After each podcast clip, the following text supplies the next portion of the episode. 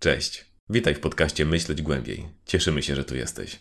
Jest to wersja audio naszych filmików na YouTubie, więc treść jest ta sama, z jedną różnicą. Będzie brakować linków, które wyświetlały się na ekranie w chwili, kiedy mówię o tutaj. Ale odnoszą się one do naszych starszych odcinków, do znalezienia których powinna pomóc wyszukiwarka. A teraz miłego słuchania. Być może spotkaliście się już z pojęciem solarpunk. Jeśli nie, to spokojnie, zaraz je wyjaśnimy w pół minuty. Mamy też wyjaśnienie w 7 minut, dostępne o tutaj i polecamy spauzować wideo, które teraz oglądacie i wrócić do niego po tych 7 minutach. Ale dla osób niecierpliwych, bądź chcących tylko krótkiej przypominajki, to historie, w których ludzkość albo wyszła zwycięsko z walki o klimat, albo tam zmierza, które są optymistyczne, ale nie eskapistyczne. Rozwiązania mają być w miarę realistyczne, w sensie oparte na istniejących lub możliwych technologiach, a nie na magicznych nanomaszynach. Synu. I wreszcie to zwycięstwo odbywa się we współpracy z naturą, czyli nie na sposób ekomodernistyczny. Cytując z manifestu Solarpunka, jesteśmy solarpankami, ponieważ jedyne alternatywy to rozpacz lub wyparcie. Więc po tych 7 minutach o Solarpunku wiecie już, no, sporo, bo ten ruch nadal się rodzi. Ale zawsze można sprawdzić, czy wychodzi główką do przodu, pokibicować trochę, przypomnieć o prawidłowym oddechu i ogólnie zadbać, żeby nasz noworodek miał gładki start do życia. To właśnie dzisiaj zrobimy. Z grubsza z trzech różnych perspektyw. Ogólnym punktem wyjścia jest materiał wideoeseisty Mistycyzm popkulturowy. Problemy ze słonecznym optymizmem. Spokojnie, jeśli go nie znacie, to i tak raczej będzie odskocznia dla naszych myśli i wyjaśnimy kontekst do wszystkiego. Za to zdecydowanie zachęcamy, abyście obejrzeli go później. Spokojnie, przypomnimy. Jak co bystrzejsi z Was mogli już zauważyć, większość klipu nie będzie mieć wizualizacji, ale w części będą takie trochę solarpunkowe i zdecentralizowane. No nic, zobaczycie. Usłyszycie, kurde, nie wiem, nie nam tak odgórnie decydować. A zatem, kochane i kochani, rozsiądźcie się wygodnie i porozmawiajmy o rozwiązaniach na problemy ze słonecznym optymizmem. Część pierwsza. Kim są i dokąd zmierzają solarpanki, czyli filozofia. Zacznijmy od filozofii, a konkretnie od filozofii tak zwanego antropocenu, czyli postulowanej przez badaczy społecznych i geologów epoki człowieka, czasu, kiedy ludzka działalność stała się dominującą siłą kształtującą system ziemski. Niestety, zazwyczaj w sposób destruktywny. Mamy o nim całe wideo o tutaj i gorąco zachęcamy do obejrzenia później. Tu jednak skupimy się na jednym filozoficznym wyzwaniu, przed którym stawia nas antropocen relacji między życiem ludzkim i pozaludzkim. W tej kwestii wdaliśmy się, no, wdał się jeden z nas, bo pan scenarzysta, w dyskusję w komentarzach z Misty Popem na temat tego, czy Solarpunk ma unikalne podejście do relacji człowieka z tak zwaną naturą, czy też nie. Jego stanowisko było takie, że literatura science fiction zajmowała się tym już pod koniec XX wieku, a nasza, że Solarpunk, a konkretnie omawiana przez niego nowela A Psalm for the Wild Build, wprowadza w tej kwestii nową jakość, My uważamy, że Solarpunk jest w tej kwestii unikalny, bo stawia nacisk na sprawiedliwość we współistnieniu między człowiekiem a światem pozaludzkim. Ma ona jednak inną naturę niż formy sprawiedliwości spotykane wcześniej. Widzicie, tamte były antropocentryczne, czyli skupione na człowieku i jego wyjątkowości jako czymś lepszym, więc w najbardziej wielkodusznej wersji człowiek był opiekunem tej ziemi, jako jedyna istota obdarzona niegdyś duszą, zaś od czasu oświecenia rozumem. Oczywiście w wersji najbardziej małodusznej znaczyło to tyle, że mu się ta ziemia należy i tyle. A gatunki mogą co najwyżej liczyć na to, że nie zostaną wytrzebione dla zabawy. Jednak antropocen i solarpunk mówią: Niestety, człowieku, jeśli chcesz żyć dobrze, to musisz nauczyć się żyć we współpracy jako po prostu jeden z gatunków na planecie. Więc niech każdy żyje sobie spokojnie i się rozwija. Aby zrozumieć problem, nakreślmy pewne logiczne granice tego sporu ludzie inne gatunki. Oczywiście najbardziej skrajnymi granicami będzie wyginięcie albo ludzi, albo prawie wszystkich innych gatunków. Ale one nie są płodne. Wyginięcie ludzi zamyka jakiekolwiek rozważania, natomiast wyginięcie większości innych gatunków oznacza załamanie bioróżnorodności, w którym ginie też ludzkość. Więc zawężmy je trochę do sytuacji, w których ludzkość może przeżyć. Nie wiem, kiedy ostatnio patrzyliście na Ziemię, ale przez ostatnie kilkaset tysięcy lat to ci ludzie się strasznie namnożyli i zaczęli robić całą tę kulturę i różne cywilizacje, przez co mocno odstają od pozostałych gatunków. Nawet jeśli spróbujemy spojrzeć na wszystkie gatunki jako na coś równego, to człowiek, aby rozkwitać, będzie mieć inne wymogi. Przede wszystkim zależne od kultury. Jeśli spojrzycie na ludzkość teraz, to w ogóle wygląda to tak, jakby ta cywilizacja miała nie być zadowolona, dopóki nie dotrze do końca swojego wzrostu gospodarczego, który według niej jest. E, czekajcie, sprawdzę w notatkach. Nieskończony. Więc no, trochę to potrwa. Rokowanie dla innych gatunków są kiepskie, ale teoretycznie rozwiązaniem może być to, że pozostaje mocno zniszczona Ziemia, a ludzkość wyrusza na podbój układu słonecznego.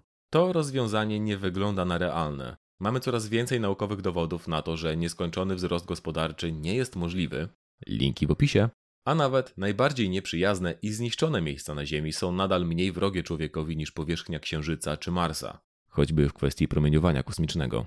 Z drugiej strony mamy podejście tzw. Tak głębokiej ekologii, prądu myślowego wytworzonego w latach 70., który mówi, że każde życie jest tak samo cenne, ludzie nie mają większego prawa do planety niż inne gatunki, więc powinni zmniejszyć swoją liczebność. Tak, e, szacunki sięgają od 2 miliardów do 100 milionów i radykalnie zmniejszyć zużycie wszystkiego, a stabilnie wpasują się w system ziemski. Ten program jest jednak utopijny w tym sensie, że aby go dokonać pokojowo, cała ludzkość musiałaby się nie tylko zjednoczyć, a również wyznawać te same głęboko ekologiczne wartości. Jak uczy nas historia, nie da się jednak przekonać każdej ludzkiej jednostki do wyznawania tych samych wartości, niezależnie od tego, czy chodzi o chrześcijaństwo, ateizm, weganizm, czy, nie wiem, niegłosowanie na PiS.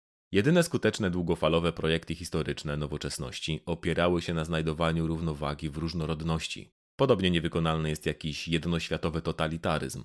Chyba, że wreszcie ci iluminaci z Gatesem w końcu wezmą się na poważnie za tę depopulację, bo dotychczasowe spiski im kurde jakoś nie idą. 8 miliardów za rok! Hello! Chrissy, wake up! Szczypawki nie zadziałały! Natomiast rozwiązanie niepokojowe i tak musiałoby zakończyć się wojną atomową. Już pomijając zniszczenia z niej samej, to resztę spustoszyłaby tak zwana zima atomowa, czyli gwałtowne, trwające kilka lat ochłodzenie klimatu na skalę epok lodowcowych spowodowane przez pyły wzbite w atmosferę, która przetrzebiłaby wszystkie gatunki nieodporne na zimno.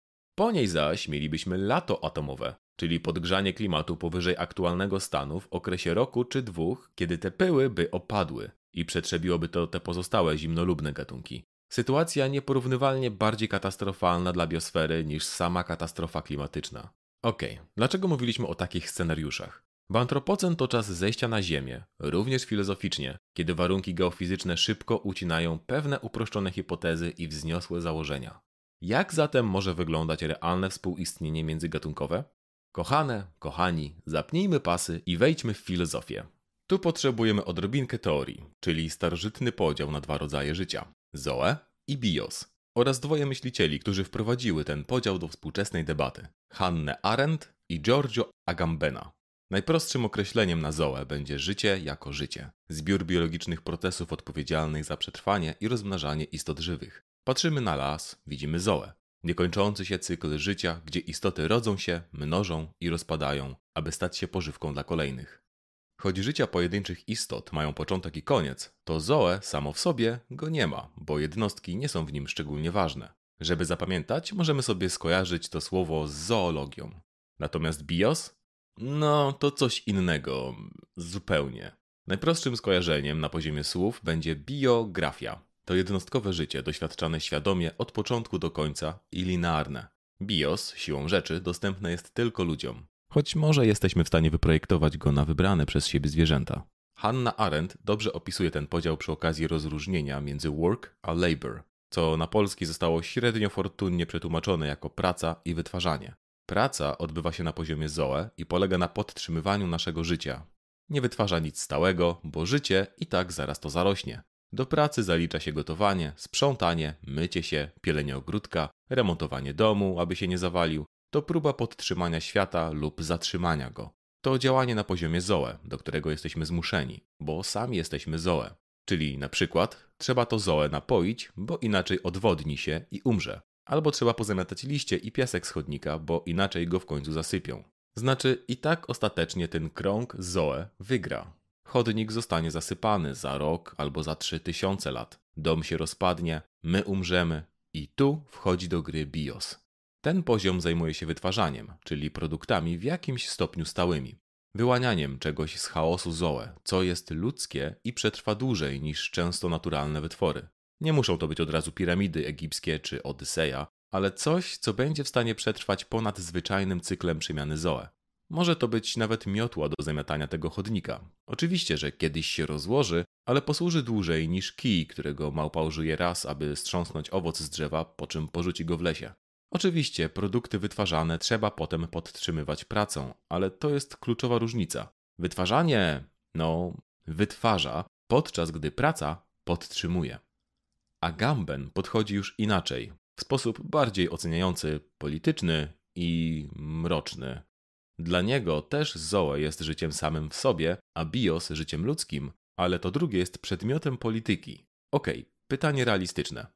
Do czego ostatecznie sprowadza się polityka? Czyli czym polityka jest na najbardziej fundamentalnym poziomie? Jaki jest jej najbardziej bezpośredni i pierwotny przejaw, od którego wszystko się zaczęło i wokół którego nadal wszystko się kręci? Jest nim przemoc, a dokładniej polityka decyduje o tym, wobec kogo można używać przemocy i w jakim stopniu. A że trudno uzasadnić przemoc wobec ludzi, to trzeba politycznie zrobić z nich mniej niż ludzi, czyli że państwo może zabrać ci bios, a jeszcze dokładniej Ostatecznie władzę mają ci, którzy mogą decydować, kto jest BIOS, a kto tylko Zoe. Innymi słowy, BIOS jest dla obywatela, natomiast im bardziej ktoś przestaje być obywatelem, tym bardziej staje się tylko Zoe. Aż ostatecznie może skończyć jako starożytna postać Homo sacer, czyli człowieka wyjętego spod prawa, z którym każdy może zrobić wszystko bez groźby kary. Taki stan Agamben nazywa też nagim życiem.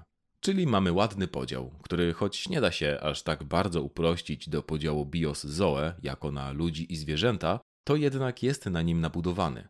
Zoe to przykra konieczność życia codziennego, a bios to pewien luksus, bo albo wytwarza sobie rzeczy, albo cieszy się swobodami obywatelskimi. W komentarzach odbyła się dyskusja, czy tego już nie było w dawnej SF. Jako przykład Misty zaoferował cztery książki, z czego czytaliśmy dwie. Pierwsza to zbiorek opowiadań z krwi i kości, i możemy stwierdzić, że no, SF kiedyś pisał o naturze, ale to mniej więcej tyle. Jedno z tych opowiadań mówi o ludzkiej hybrydzie, która potrafiła komunikować się telepatycznie z roślinami i bytem zwanym ojcem roślin, czyli takiej no trochę psionicznej tarzance, która stara się powstrzymać ludzi przed zniszczeniem ojca roślin, choć sam ojciec zdaje się mieć na to wywalone. Opowiadanie z krwi i kości wydaje się być najbliższe temu, o czym mówimy. Superpilot super pojazdu kosmicznego o super zdolnościach bada wszechświat, aż nagle zostaje strącony na powierzchnię planety przez ośrodek badawczy wysoce zaawansowanej cywilizacji, która pozbawia go całej technologii i chełpi się, że przywróciły go do zwierzęcia. Pilot wpada w rodzaj transu, w którym zatraca część człowieczeństwa, po czym wiedziony nienawiścią i instynktem jak zwierzę stopniowo stara się dostać do tego ośrodka i zabić kogoś, kto go tak upokorzył. Znów bardziej przypomina jakiegoś Tarzana niż MacGyvera. No ale właśnie. Pierwsze to po prostu opowieść w stylu awatara, o istocie żyjącej w harmonii z naturą i która się może z tą naturą komunikować telepatycznie, co w pewnym sensie podnosi naturę do rangi BIOS. Drugie opowiadanie wydaje się być najbliższe temu, co mówimy. Pilot w jakiś sposób zatraca swoje BIOS i zostaje przejęty przez swoje Zoe. Ale ono znów dokładnie odpowiada wyobrażeniom białego cywilizowanego człowieka o zwierzęcej naturze. Okej, okay, może jest skuteczne w tym, co robi w cholerę, ale nadal podsumowanie jest takie, że człowiek potrafi zrobić straszne rzeczy, kiedy podda się instynktom. Zoe bohatera nie jest tu przedstawione jako coś neutralnego albo dobrego. No ale opowiadanie jest z 1966 roku, kiedy w świadomości publicznej dopiero zaczynało kiełkować myślenie, że w podświadomości może być coś dobrego i że można to uwolnić. Przykładowo, Potęga Podświadomości, jedna z książek, które rozkręciły ruch nowej myśli, wyszła w 1963 i mniej więcej kiedy rozpowszechnił się wschodni mistycyzm pod postacią medytacji transcendentalnej. Kolejna zasugerowana książka to klasyk pana S., czyli Mówca Umarłych, której autorem jest Orson Scott Card. Tak, wiem o jego podejściu do osób LGBTQ, ale my tutaj nie o tym. Skracając fabułę do maksimum i bez spoilerów, rzecz dzieje się kilka tysięcy lat po wojnie z jedną dotychczas znaną rasą obcych, zwanych robalami, i którzy zostali w niej wybici do odnóża. Ludzkość odkrywa ponownie inteligentne życie w postaci prostych istot żyjących w lesie, które mieszkańcy kolonii badawczej pobłażliwie nazywają prosiaczkami. I teraz jednym z głównych motywów są stopnie odległości istot o nazwach zaczerpniętych ze szwedzkiego. Języki nordyckie rozróżniają cztery stopnie obcości. Pierwszy to cudzoziemiec albo utlaning, obcy, którego uznajemy za człowieka, ale z innego miasta lub kraju. Drugi to framling, to obcy, którego uznajemy za człowieka, ale z innego świata. Trzecim jest ramen, obcy uznawany za człowieka, lecz innego gatunku. Wreszcie czwarty, prawdziwie obcy, to warelse. Tej klasie mieszczą się wszystkie zwierzęta, gdyż kontakt z nimi jest niemożliwy. Żyją, ale nie potrafimy odgadnąć celów, jakie skłaniają je do działania. Mogą być inteligentne, mogą być świadome, ale my nie potrafimy się o tym przekonać. Problem polega też na tym, że robale z ludźmi traktowały się jako warelse, podczas gdy w rzeczywistości po prostu nie rozumieli się wzajemnie. I robale pośmiertnie zostają określone jako ramen, dzięki swoistej mowie pogrzebowej napisanej przez głównego bohatera. Dlatego też nikt nie chce powtórzyć tego masowego ludobójstwa wobec prosiaczków, mimo tego, że dzieją się rzeczy. Sytuacja eskaluje w kolejnym tomie, czyli ksenocydzie, gdzie okazuje się, że na tej małej planecie ostatecznie znalazło się może nawet i pięć gatunków rozumnych, choć o bardzo różnym statusie e, biologicznym. I pozostaje kwestia ustalenia, kto jest dla kogo ramenem, a kto warelsem. Tym bardziej, że w drodze jest flota, która w razie potrzeby rozstrzygnie ten problem kosmicznymi ultraatomówkami i znów zostanie jeden. Okej, okay. wiem, że to jak to teraz przedstawiłem może nie mieć sensu, ale tylko z powodu skrótu myślowego i unikania spoilerów. Wszystko ma sens i fajnie się spina. Zwłaszcza mówca umarłych, jak gdzieś w połowie książki padnie pierwsza z precyzyjnie ustawianych kostek domina. Podstawowym problemem tego podziału obcości z naszej perspektywy jest to, że to nadal opisuje relacje bios do bios między samodzielnymi istotami rozumnymi. Zwierzęta z założenia są warelse. No i kij, no i cześć. I teraz, stosując odczyt bardzo nieprzychylny ze strony zoecentryczności, moglibyśmy porównać stosunki bios i zoe do stosunku między chrześcijańskimi kolonizatorami i dzikusami. Całe życie jest tylko Zoe i nie zasługuje na specjalne traktowanie, póki nie udowodni, że jest bios. I często pojawia się motyw naukowców, którzy w ostatniej chwili rozpracowują, że jakiś gatunek jest rozumny, przez co zapobiegają katastrofie. I teraz, w tym nieprzychylnym odczycie, wyobraźmy sobie scenę. Nasi dzielni bohaterowie w ostatniej chwili przybiegają do dowódcy konkwistadorów. Ten właśnie modli się o siłę przed ostatecznym zniszczeniem stolicy ludu Tupoków. I teraz nasi bohaterowie rozpaczliwie tłumaczą historię, którą właśnie usłyszeli. Tupocki Bóg Gromów miał syna, który był człowiekiem i którego syn został zabity przez ludzi, ale całe życie przywrócił mu święty ptak Kurkuruj. Nie obchodzą mnie herezje tych zdegenerowanych zwierząt, odpowiada ze złością przywódca. Nawet jeśli przychodzą z tego samego ogrodu Edenu co Europejczycy, to dawno zatracili swe człowieczeństwo. Ale wtedy nasz bohater wyciąga klatkę, w której ma ptaka Kurkuruja, i okazuje się, że jest to gołębica. I wszyscy padają na kolana, bo oto zrozumieli, iż ci niepozorni dzikusi w rzeczy samej cześć duchowi świętemu oddawali. A chociaż tak oddalili się od Adama i Ewy w swych zdeformowanych ciałach i dzikich obyczajach, to nadal żarzyła się w nich iskierka ducha i komunikacja z nimi jednak była możliwa. Okej, okay, żarty żartami, ale trochę o to chodzi. Podział na ramen i warelse generalnie sprowadza się do podziału na istoty rozumne, z którymi można się komunikować, i istoty rozumne, z którymi jednak nie da się dogadać, albo zwierzęta. W sumie to to samo. Ta perspektywa nie jest sama w sobie antropocentryczna, bo nie tylko człowiek może korzystać z tego podziału, co autor jak najbardziej bierze pod uwagę, ale wszystko kręci się wokół inteligencji. Czy jesteśmy w stanie dogadać się z tą inteligencją, czy jednak nie? Za to z perspektywy zoocentrycznej inteligencja jest fajna, ale to po prostu taka zdolność jak spulchnianie gleby, robienie bardzo odżywczej kupy czy fotosynteza. Jasne, jest dość mocną zdolnością, która daje potężne możliwości działania przez to, że umożliwia autorefleksję, ale to nadal nie czyni nas tak bardzo wyjątkowymi, jakbyśmy chcieli. Bo gdybyśmy spojrzeli z zewnątrz na ludzkość jako całość, to póki co zachowujemy się jak każdy inny żywy organizm pochłaniamy wszelkie dostępne zasoby i rozmnażamy się na potęgę. Czysty instynkt przetrwania. I teraz, cały deal z Solarpunkiem polega na tym, aby przełamać tę wyższość BIOS nad Zoe i wykorzystać naszą inteligencję tak, abyśmy mogli współistnieć z biosferą bez konieczności łączenia się telepatycznie z jakimiś duchami natury. Jeśli ma być jakaś Gaia, jak to postulowana przez Isabel Stengers, o której mówiliśmy w wideo o antropocenie, to nie ma być żadnym bios, żadnym rozumem natury. Jakby możemy sobie ją próbować wytłumaczyć jako BIOS, ale to tylko dlatego, że jesteśmy po prostu ludkami o bardzo małym rozumku, którzy nie rozumieją natury, jeśli sobie nie zantropomorfizują. Ale to tylko nasz skrót myślowy.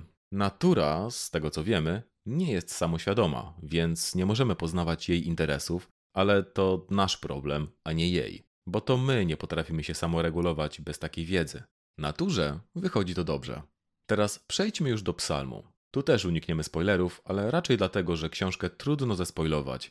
Jej urok polega na rozmowach dwójki głównych bohaterów. Niebinarnym mniszem Dex, dla którego będziemy używać tzw. Tak dukaizmów, czyli onu jemu, i robota Moskapa. Najpierw trochę wyjaśnienia tła. Akcja dzieje się na obcej planecie, w sumie to alternatywnej Ziemi, w kilkaset lat po tym, jak roboty uzyskały samoświadomość i wypowiedziały posłuszeństwo ludziom. Ludzie przyjęli to z szacunkiem, zawiązali umowę o równości z robotami i stwierdzili, że skoro nie wiadomo przez co uzyskały tę świadomość, to nie ma po co ryzykować i trzeba sobie odpuścić roboty. A skoro tak, to można też zrobić trochę te wzrostu i przekierować technologię na użyteczną dla ludzi, a pół planety pozostawić naturze. No i w każdym razie roboty wzięły i polazły sobie w to drugie pół i słuch po nich zaginął. Aż jeden z nich nie spotkał się z Dex. Czyli okej, okay, mamy trochę standard. Spotkanie inteligencji naturalnej i sztucznej. Och, och, co nas odróżnia od robotów i czy roboty są prawdziwe. Tylko to chyba nie jest poruszone ani razu. W sensie, oczywiście, że samoświadomość robotów jest prawdziwa. Nie zastanawiają się nad tym ani one same, ani Dex. Bo widzicie, to nie jest książka o BIOS. Moskap jest zafascynowany Dex jako osobą, oczywiście, ale też jest zainteresowany Jenu Zoe. Może nawet bardziej, bo roboty generalnie fascynują się Zoe. Przez te setki lat łaziły sobie po rezerwacie i obserwowały najróżniejsze rzeczy. Jednym z ciekawych aspektów jest to, że wkrótce po odejściu postanowiły, że nie będą się naprawiać. Jeśli jakiś robot zostanie za bardzo uszkodzony, to pozostałe części zostaną zmontowane w nowego robota. Aha, może zakrzykniesz, czyli jednak Pinokio zastanawia się, jak to jest być prawdziwym Zoe. Tylko widzisz, niekoniecznie. Umieranie, owszem, zbliża roboty do Zoe, ale to nie jest tak, że Dex jest automatycznie bliższy Zoe. Ludzie na tej planecie są w jakiś sposób odizolowani od Zoe. Przede wszystkim dlatego, że nie mają do czynienia z naturą naturą, czyli tym, co jest w rezerwatach. To prowadzi do świetnego dialogu, kiedy, będąc w rezerwacie, Dex jest zmuszoną zejść z drogi. W Dex wezbrała potężna fala instynktu, kiedy wróciła do Nienu zasada wykrzykiwana przez zastępy rodziców, nauczycieli, leśników, ogłoszeń i znaków zakazu. Tu nie ma ścieżki. Moskab spojrzał na swoje stopy na ziemi. No i? I nie wol. Dex zawahało się. Cóż, może tobie wolno, ale ja nie mogę zejść ze ścieżki. Nie powinnum. Moskab miał taki wyraz twarzy, jakby Dex zaczęło mówić w obcym języku. Zwierzęta chodzą po lesie cały czas. Jak myślisz, skąd biorą się ścieżki? Ale ja nie. Nie mówię o takich ścieżkach, tylko o. Dex pokazało na drogę łączącą świat za nim i pustelnią u celu. Ścieżka to ścieżka, powiedział Moskap. Ona ma tylko uprościć podróż. Oraz ma uchronić system przed tą podróżą. Hmm, Moskap rozważał ten argument. Czyli mówisz, że to coś jakby bariera. To coś dokładnie jak bariera. Lepiej stworzyć jedną ścieżkę przez jakieś miejsce, niż niszczyć całość. Ale ta zasada dotyczy zapewne tylko tych miejsc, przez które ciągle przechodzi wielu ludzi. Dex z zapałem pokręciło głową, tak jak robili to nauczyciele i leśnicy z jenu młodości. Każdy uważa, że jest wyjątkiem od reguły. I tu się zaczynają kłopoty. Nawet jedna osoba może wyrządzić wiele szkód. Czyli każdy z nich jest w jakiś sposób oddalone od Zoe. Roboty nie są Zoe, za to mogą swobodnie się wśród niego poruszać, natomiast ludzie, chociaż są Zoe, to jednak noszą też swoje bios jako rodzaj grzechu pierworodnego. Dokonali zbrodni przeciwko naturze i teraz sami skazali się na wygnanie z niej. Dodatkowo roboty są wodoodporne i zdecydowanie lepiej radzą sobie w poruszaniu się przez głusze i w odróżnieniu od ludzi nie mają z tym moralnego problemu, bo uszkadzają ją w tym samym stopniu co każde inne zwierzę. Więc to nie jest tak, że któreś z nich jest bliżej natury. Raczej oboje znajdują się od niej równie daleko, ale z przeciwnych stron. To fajnie pokazuje jedna scena, gdzie Dex gotuje. Czynność, która niepomiernie fascynuje Moskapa i prosi go, aby zerwał nuty mianek rosnący przy drodze. Moskap waha się, po czym odmawia, bo nigdy wcześniej nie zabił żywej istoty, aby ją zjeść i wydaje mu się to obce. Ostatnią ciekawą kwestią jest to, jak roboty są Zoe. W jednej sytuacji Moskap prosi Dex o chwilę ciszy, kiedy potrzebuje coś policzyć, bo nie za dobrze sobie z tym radzi. Świadomość jest po prostu wymagająca. W temacie cyfr jest jeszcze taka wymiana. Dex zwróciło uwagę na gramatykę zdania Moskapa. A, czyli poprawne będzie to. Nie wolisz ono albo nie, nie, nie. Takie słowa są dla ludzi. Roboty to nie ludzie. Jesteśmy maszynami. Maszyny to przedmioty. A o przedmiotach mówi się per to. Powiedziałbym, że jesteś czymś więcej niż tylko przedmiotem. Robot wyglądał na ciut urażonego. Nigdy nie zdarzyło mi się powiedzieć, że jesteś tylko zwierzęciem. Nie musimy podpadać pod tę samą kategorię, aby mieć równą wartość. Nieco później. Wy roboty jesteście takie giętkie, płynne. Podążacie lekko z prądem życia. Myślałam, że będziecie składać się tylko z cyfr i logiki, że będziecie ustrukturyzowane i logiczne. Łapiesz? Cóż za ciekawe podejście. Moskap odparł rozbawionym głosem. Tak, przecież mówisz o sobie, że jesteś maszyną, a maszyny działają w oparciu o liczby i logikę. To prawda, ale my tylko działamy w ten sposób. Za to postrzegamy zupełnie inaczej. Składam się z metalu i liczb, tak jak ty składasz się z wody i genów. Ale obydwoje jesteśmy czymś jeszcze więcej.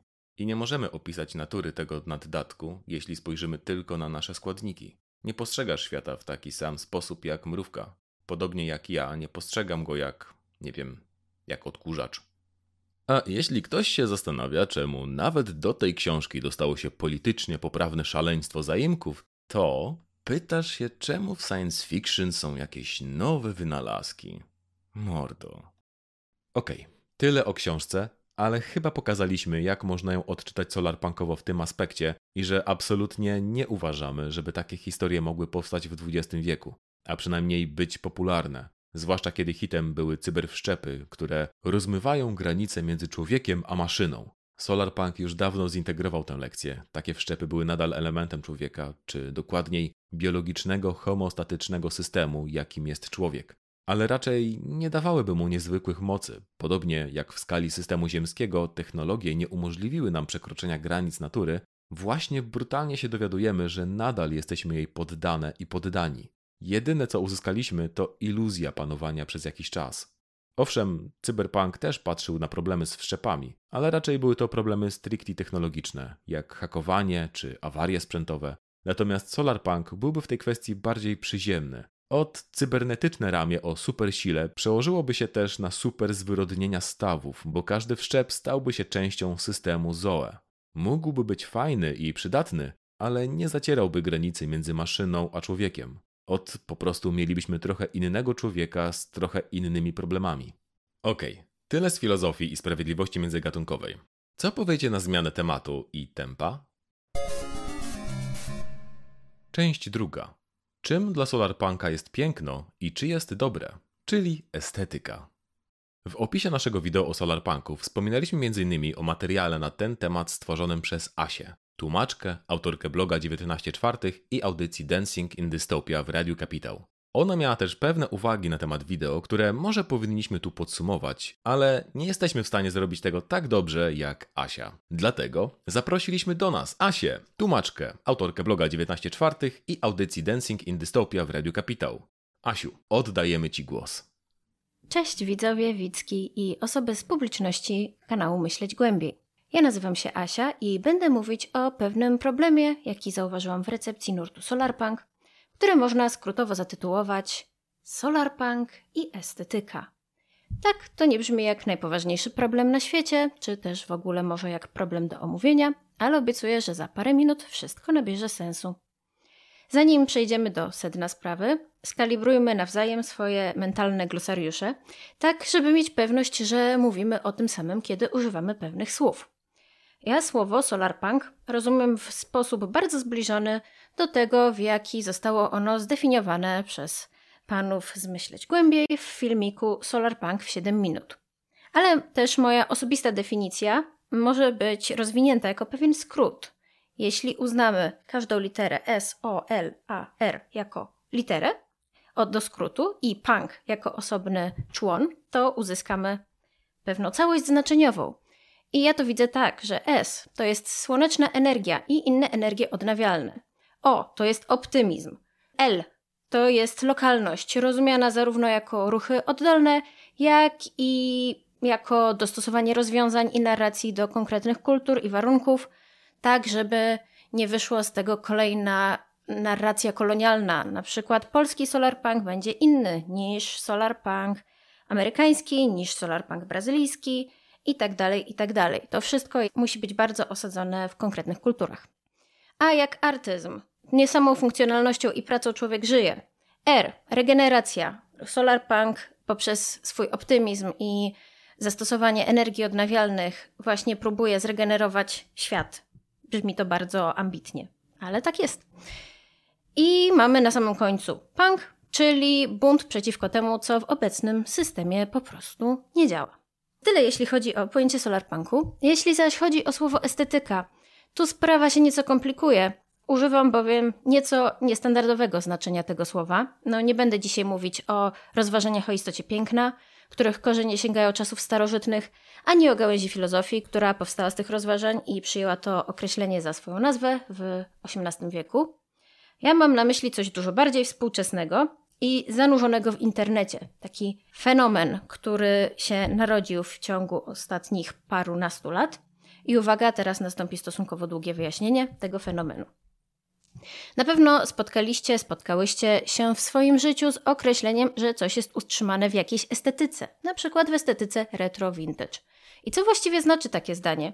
No mniej więcej to, że dana rzecz wizualnie, brzmieniowo lub treściowo pasuje do pewnego zestawu idei, które zaczęto określać tymi słowami, jako retro lub jako vintage. Podobnie można mówić o tym, że na przykład buty doktora Martensa to estetyka punkowa, a długie włosy i jeansowa kamizelka z naszywkami to estetyka metalowa i lub nawiązująca do lat 80.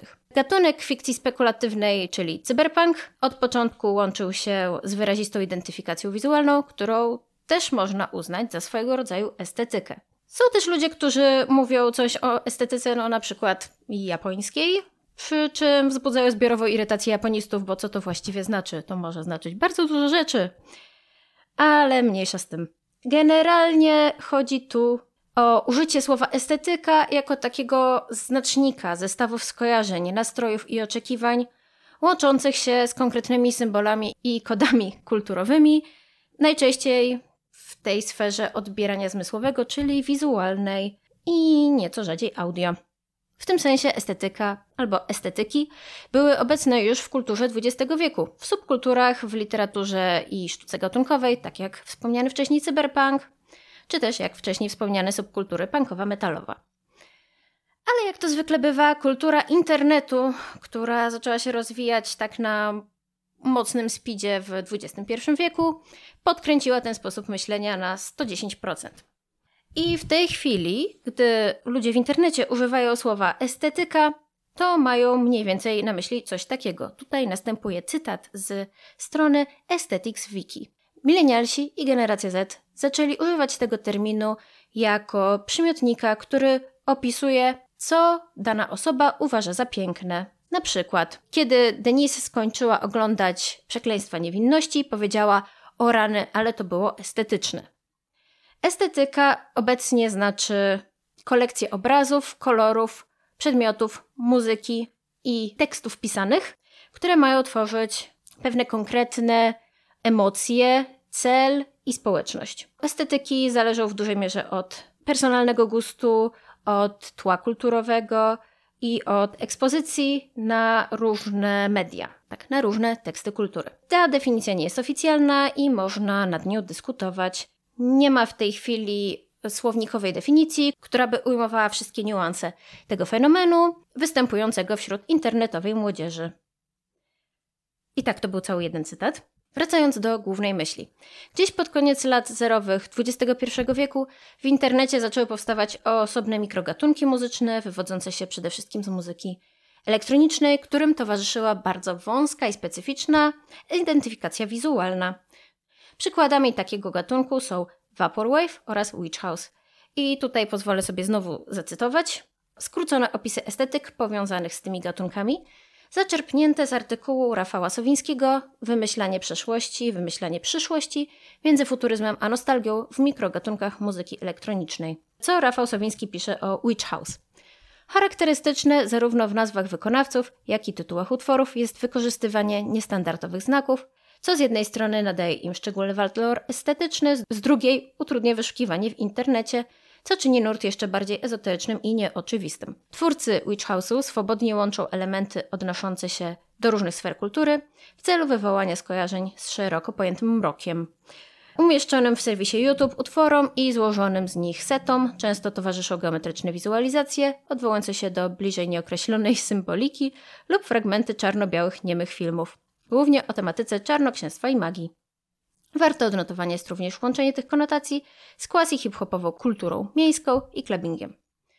A jeśli chodzi o Vaporwave, ikonosfera nurtu wykorzystuje i przetwarza obrazy kojarzone z latami 80. i 90. ubiegłego wieku oraz pierwszymi latami XXI wieku do powtarzających się motywów, nierzadko zniekształconych w duchu glitch artu, w Vaporwave należą interfejsy programów komputerowych i systemów operacyjnych – Elementy orientalne, wizualne cytaty z mang i filmów anime, również japońskie pismo kanji.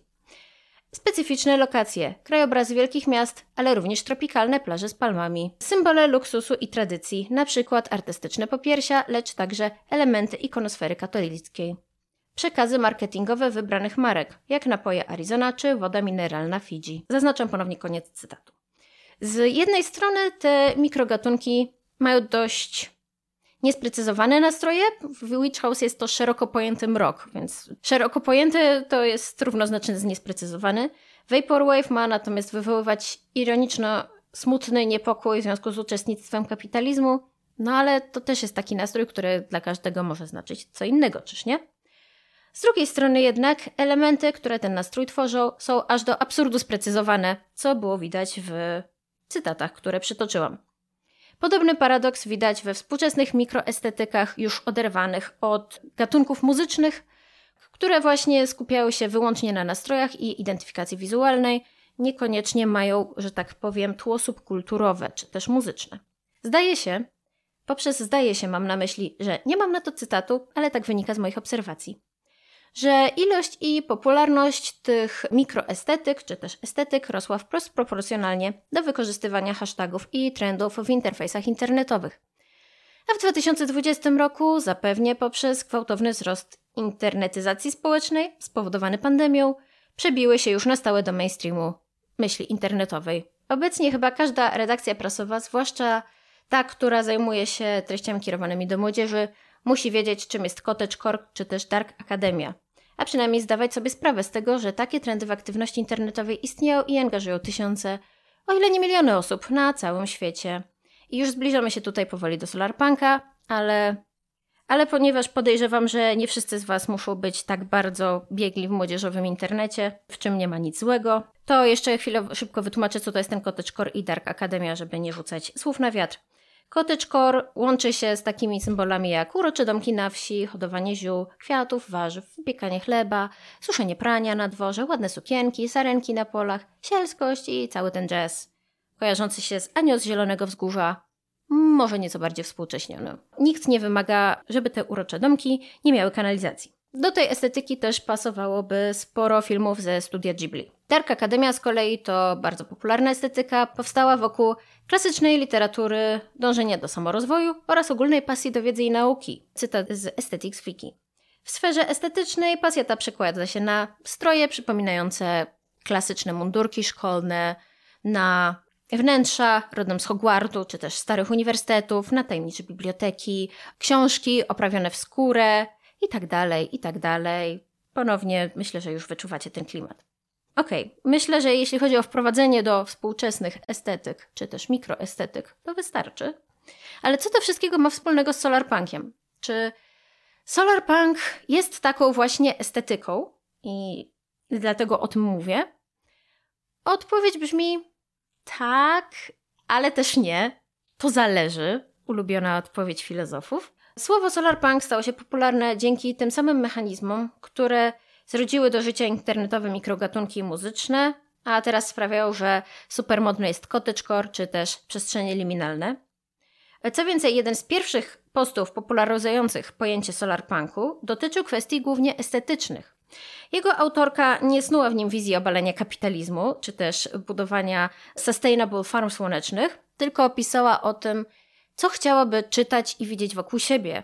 Pisała o tym, jak powinny wyglądać miasta, jak mogłaby wyglądać moda.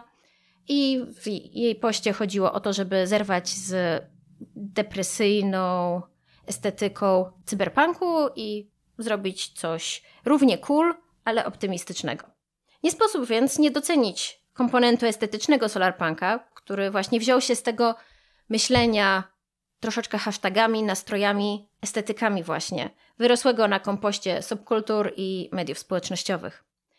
Słowo to jednak zostało od razu podchwycone przez środowiska o bardziej politycznej orientacji, przez hakerów, anarchistów, aktywistów klimatycznych. Uczepili się oni pojęcia solarpunk jak mentalnej deski ratunkowej, zgodnie z tym, co pisał Adam Flynn w notatkach do manifestu. Jesteśmy solarpunkami, ponieważ jedyne inne opcje to wyparcie lub rozpacz. Jeśli macie tutaj jakieś wątpliwości, to ustalmy sobie jedną rzecz jasno. Osoby zainteresowane solarpunkiem wychodzą przede wszystkim w 90% z pozycji antykapitalistycznych, szukają alternatyw dla ekonomii nieustannego wzrostu i mają wyraźnie lewicowe tendencje polityczne. Dużo solarpunków ma również poglądy anarchistyczne, chociaż nie jest to aż taka większość, jak wcześniejsze rzeczy, o których mówiłam. Te wszystkie elementy są częścią solarpunku w takim samym stopniu jak panele słoneczne i optymizm. Ten punk na końcu słowa naprawdę ma znaczenie i jest jego integralną częścią. O palącej potrzebie przetworzenia solarpunka na politykę i co za tym idzie na rzeczywistość świadczyć tu może chociażby powalająca ilość solarpunkowych manifestów. Jest ich bardzo dużo.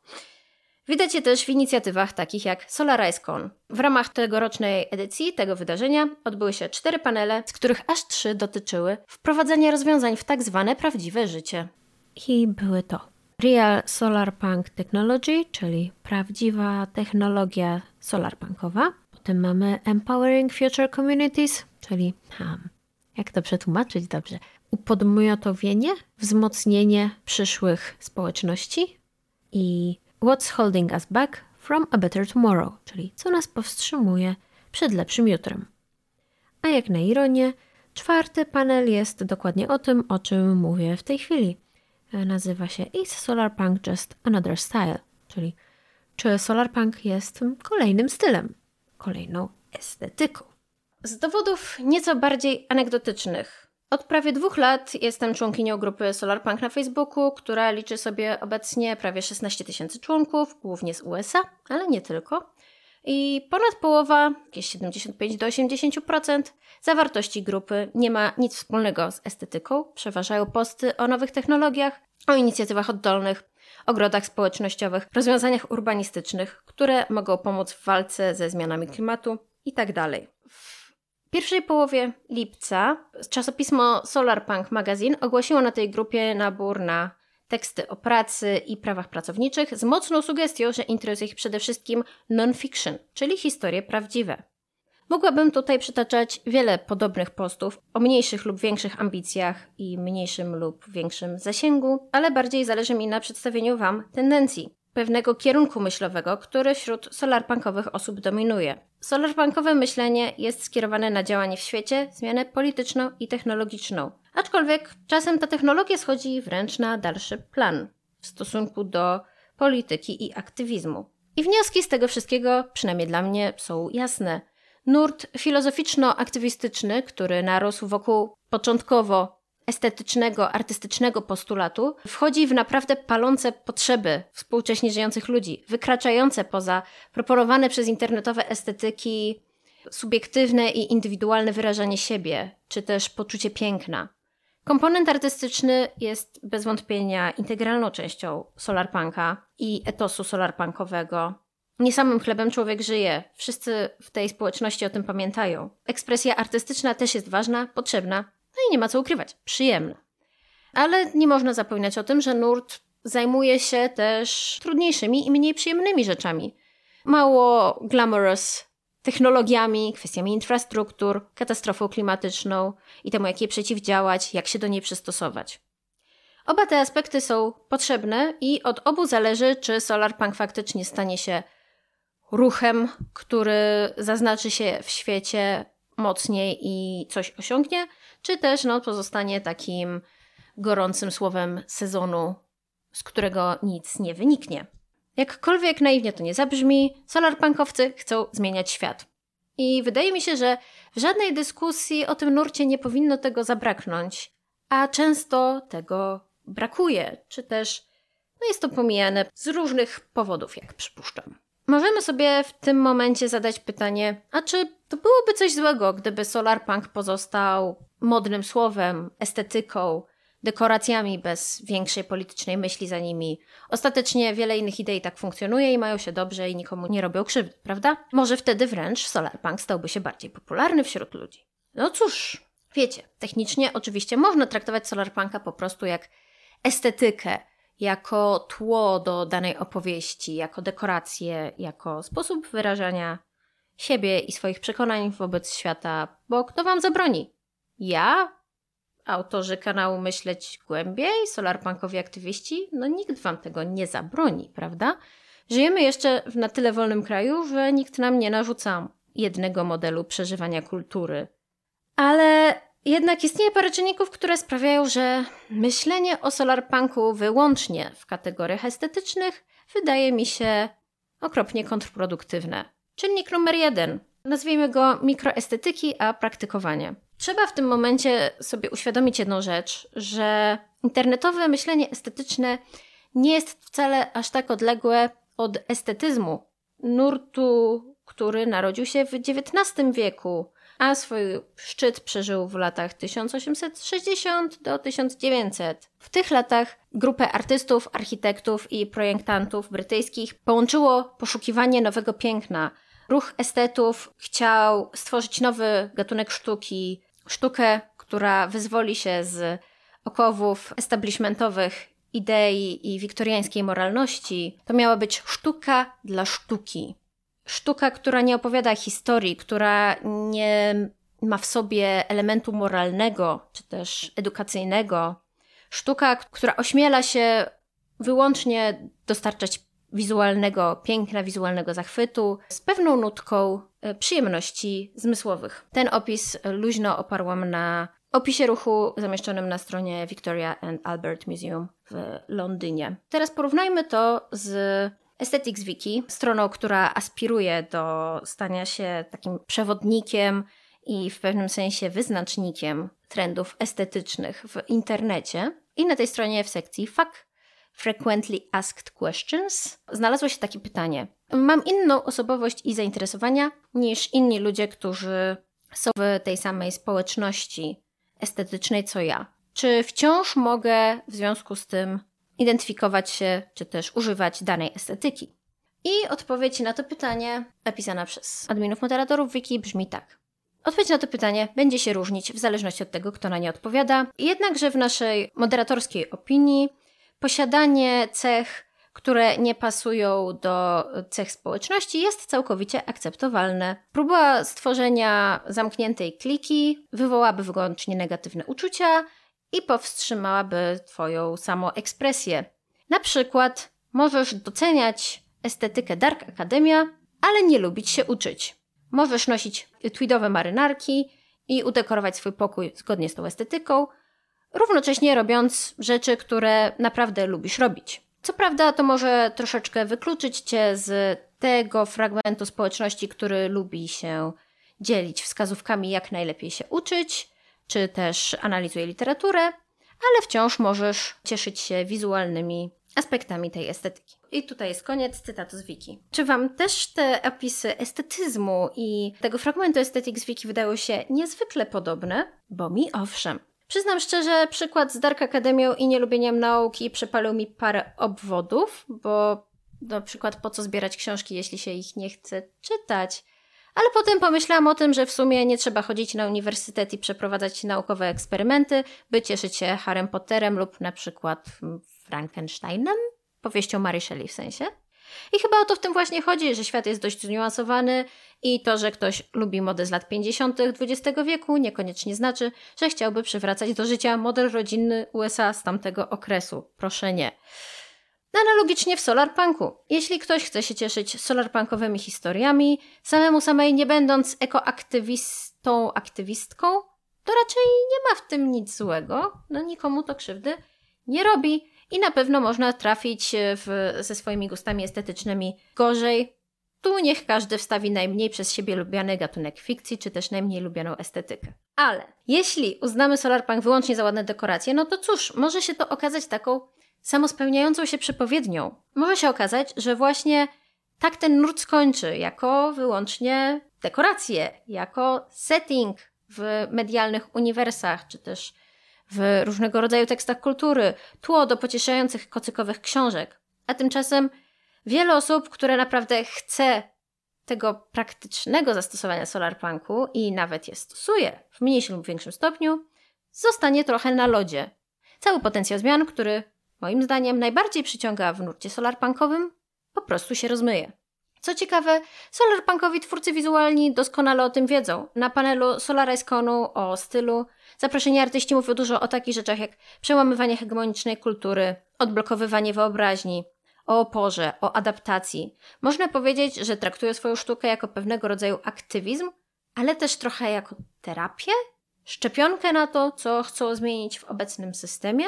Można oczywiście uznać za niepotrzebny idealizm, ale hej, jak mamy zmienić cokolwiek bez idealizmu, prawda? Chociaż jakiejś małej jego odrobiny.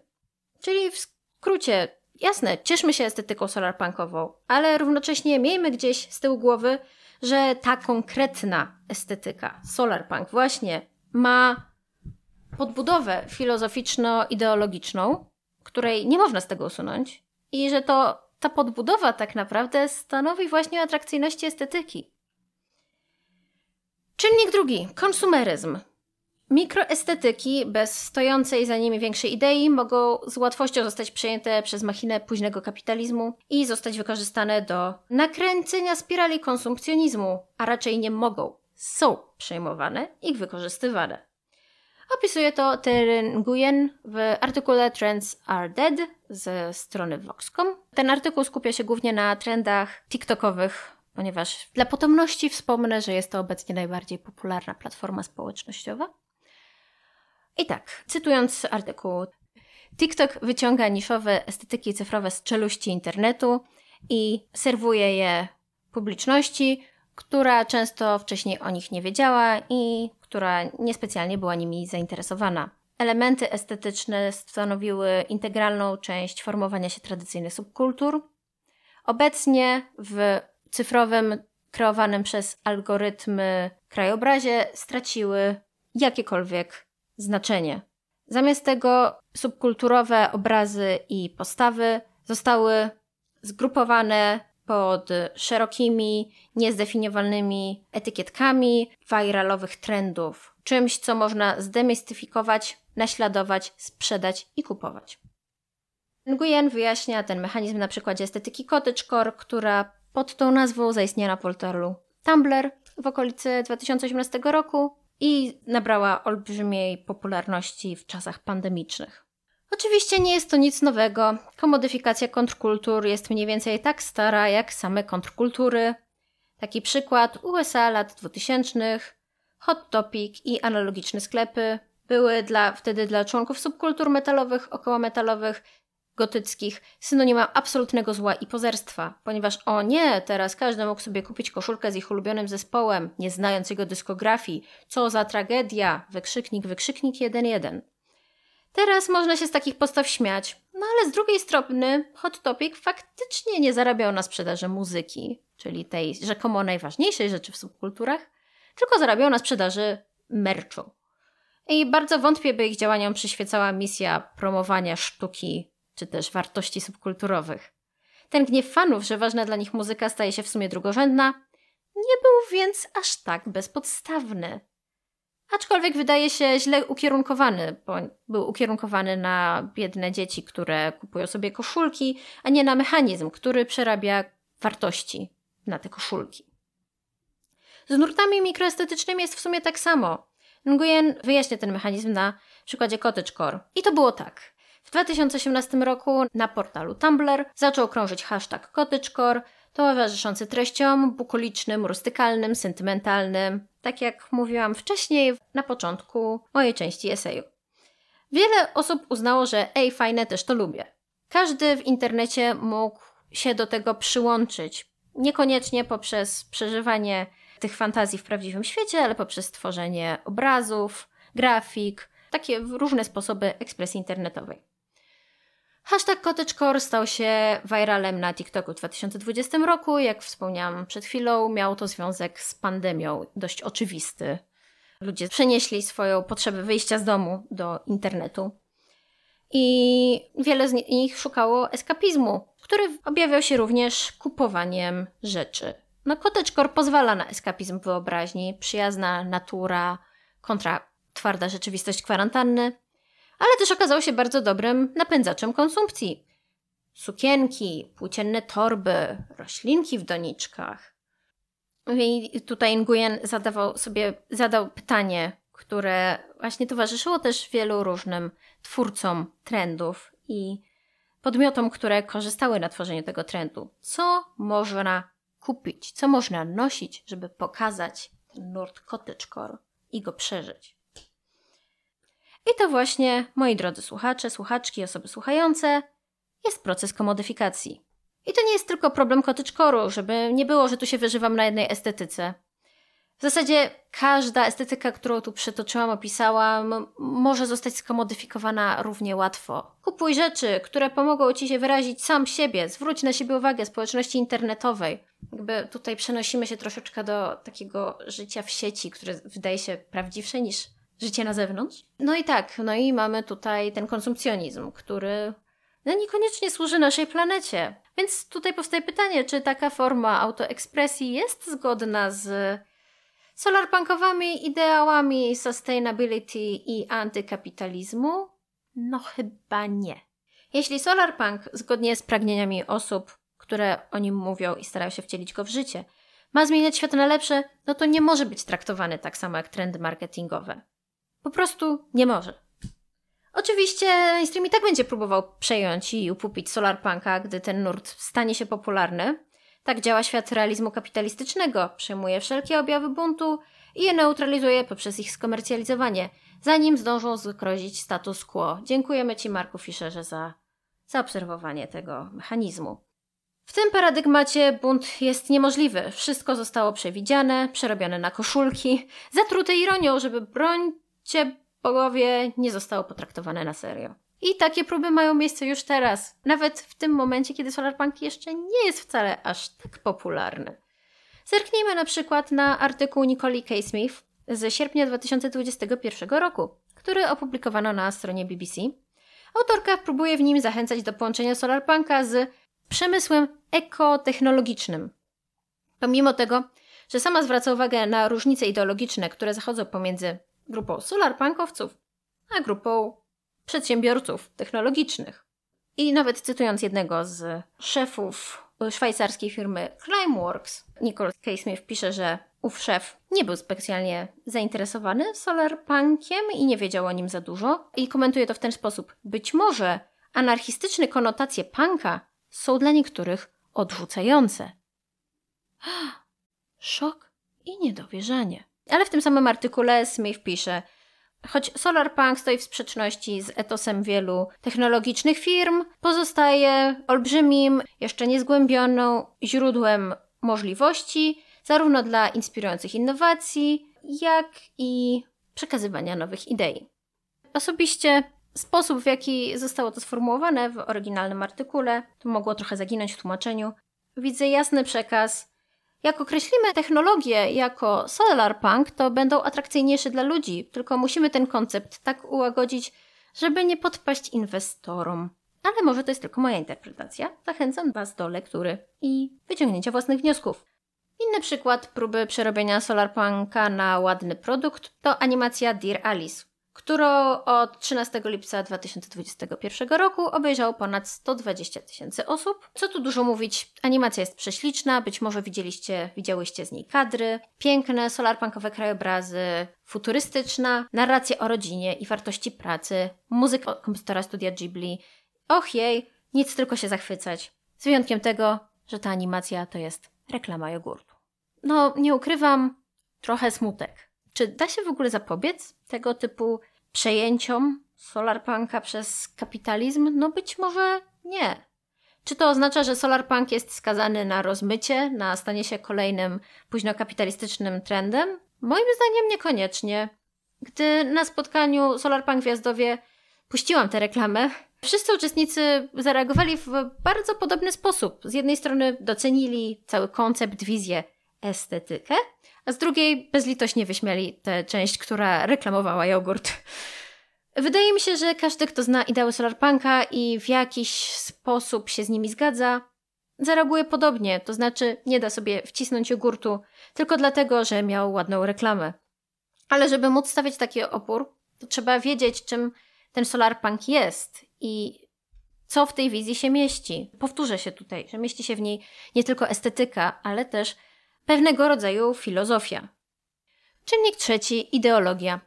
Przejęcie przez korporacje nie jest jeszcze najgorszym możliwym scenariuszem dla Solarpunka. Wyobraźcie sobie, że po tę estetykę sięgają nurty faszystowskie. Ale jak to możliwe? Możecie zapytać, skoro Solarpunk jest taki anarchistyczny, antykapitalistyczny i proludzki. Hmm, no właśnie, to zależy od tego, czy kolektywnie mamy świadomość, że Solarpunk powinien być antykapitalistyczny i proludzki. Co do dokładnej dawki anarchizmu można się spierać. Konserwatyści i ruchy prawicowe coraz częściej sięgają po tematy ekologii i technologii. I jednym z efektów takich działań jest pomysł zwany tradhumanizmem. To ma być taki posthumanizm, ale konserwatywny.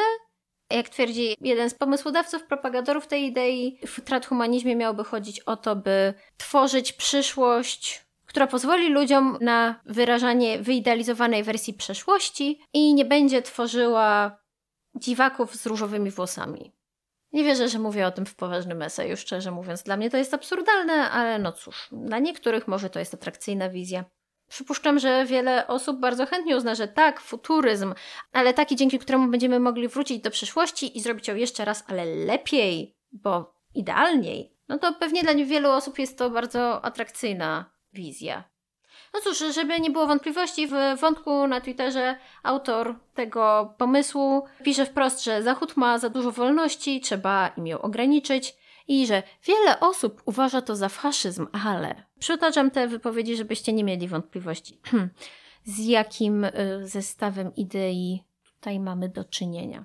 Z mniej jaskrawych przykładów Klub Jagielloński ma całą serię tekstów Zielony Konserwatyzm, która na stronie jest opisana tak. Mając za przewodnika katolicką naukę społeczną, zastanawiamy się, w jaki sposób, czyniąc sobie ziemię poddaną, zachowywać w niej to, co najcenniejsze. Czynić sobie ziemię poddaną to takie wyrażenie, które kojarzy się jednoznacznie antropocentrycznie. No i moim zdaniem dosyć konserwatywnie. Człowiek jako korona stworzenia, wszystko ma mu służyć i tak dalej.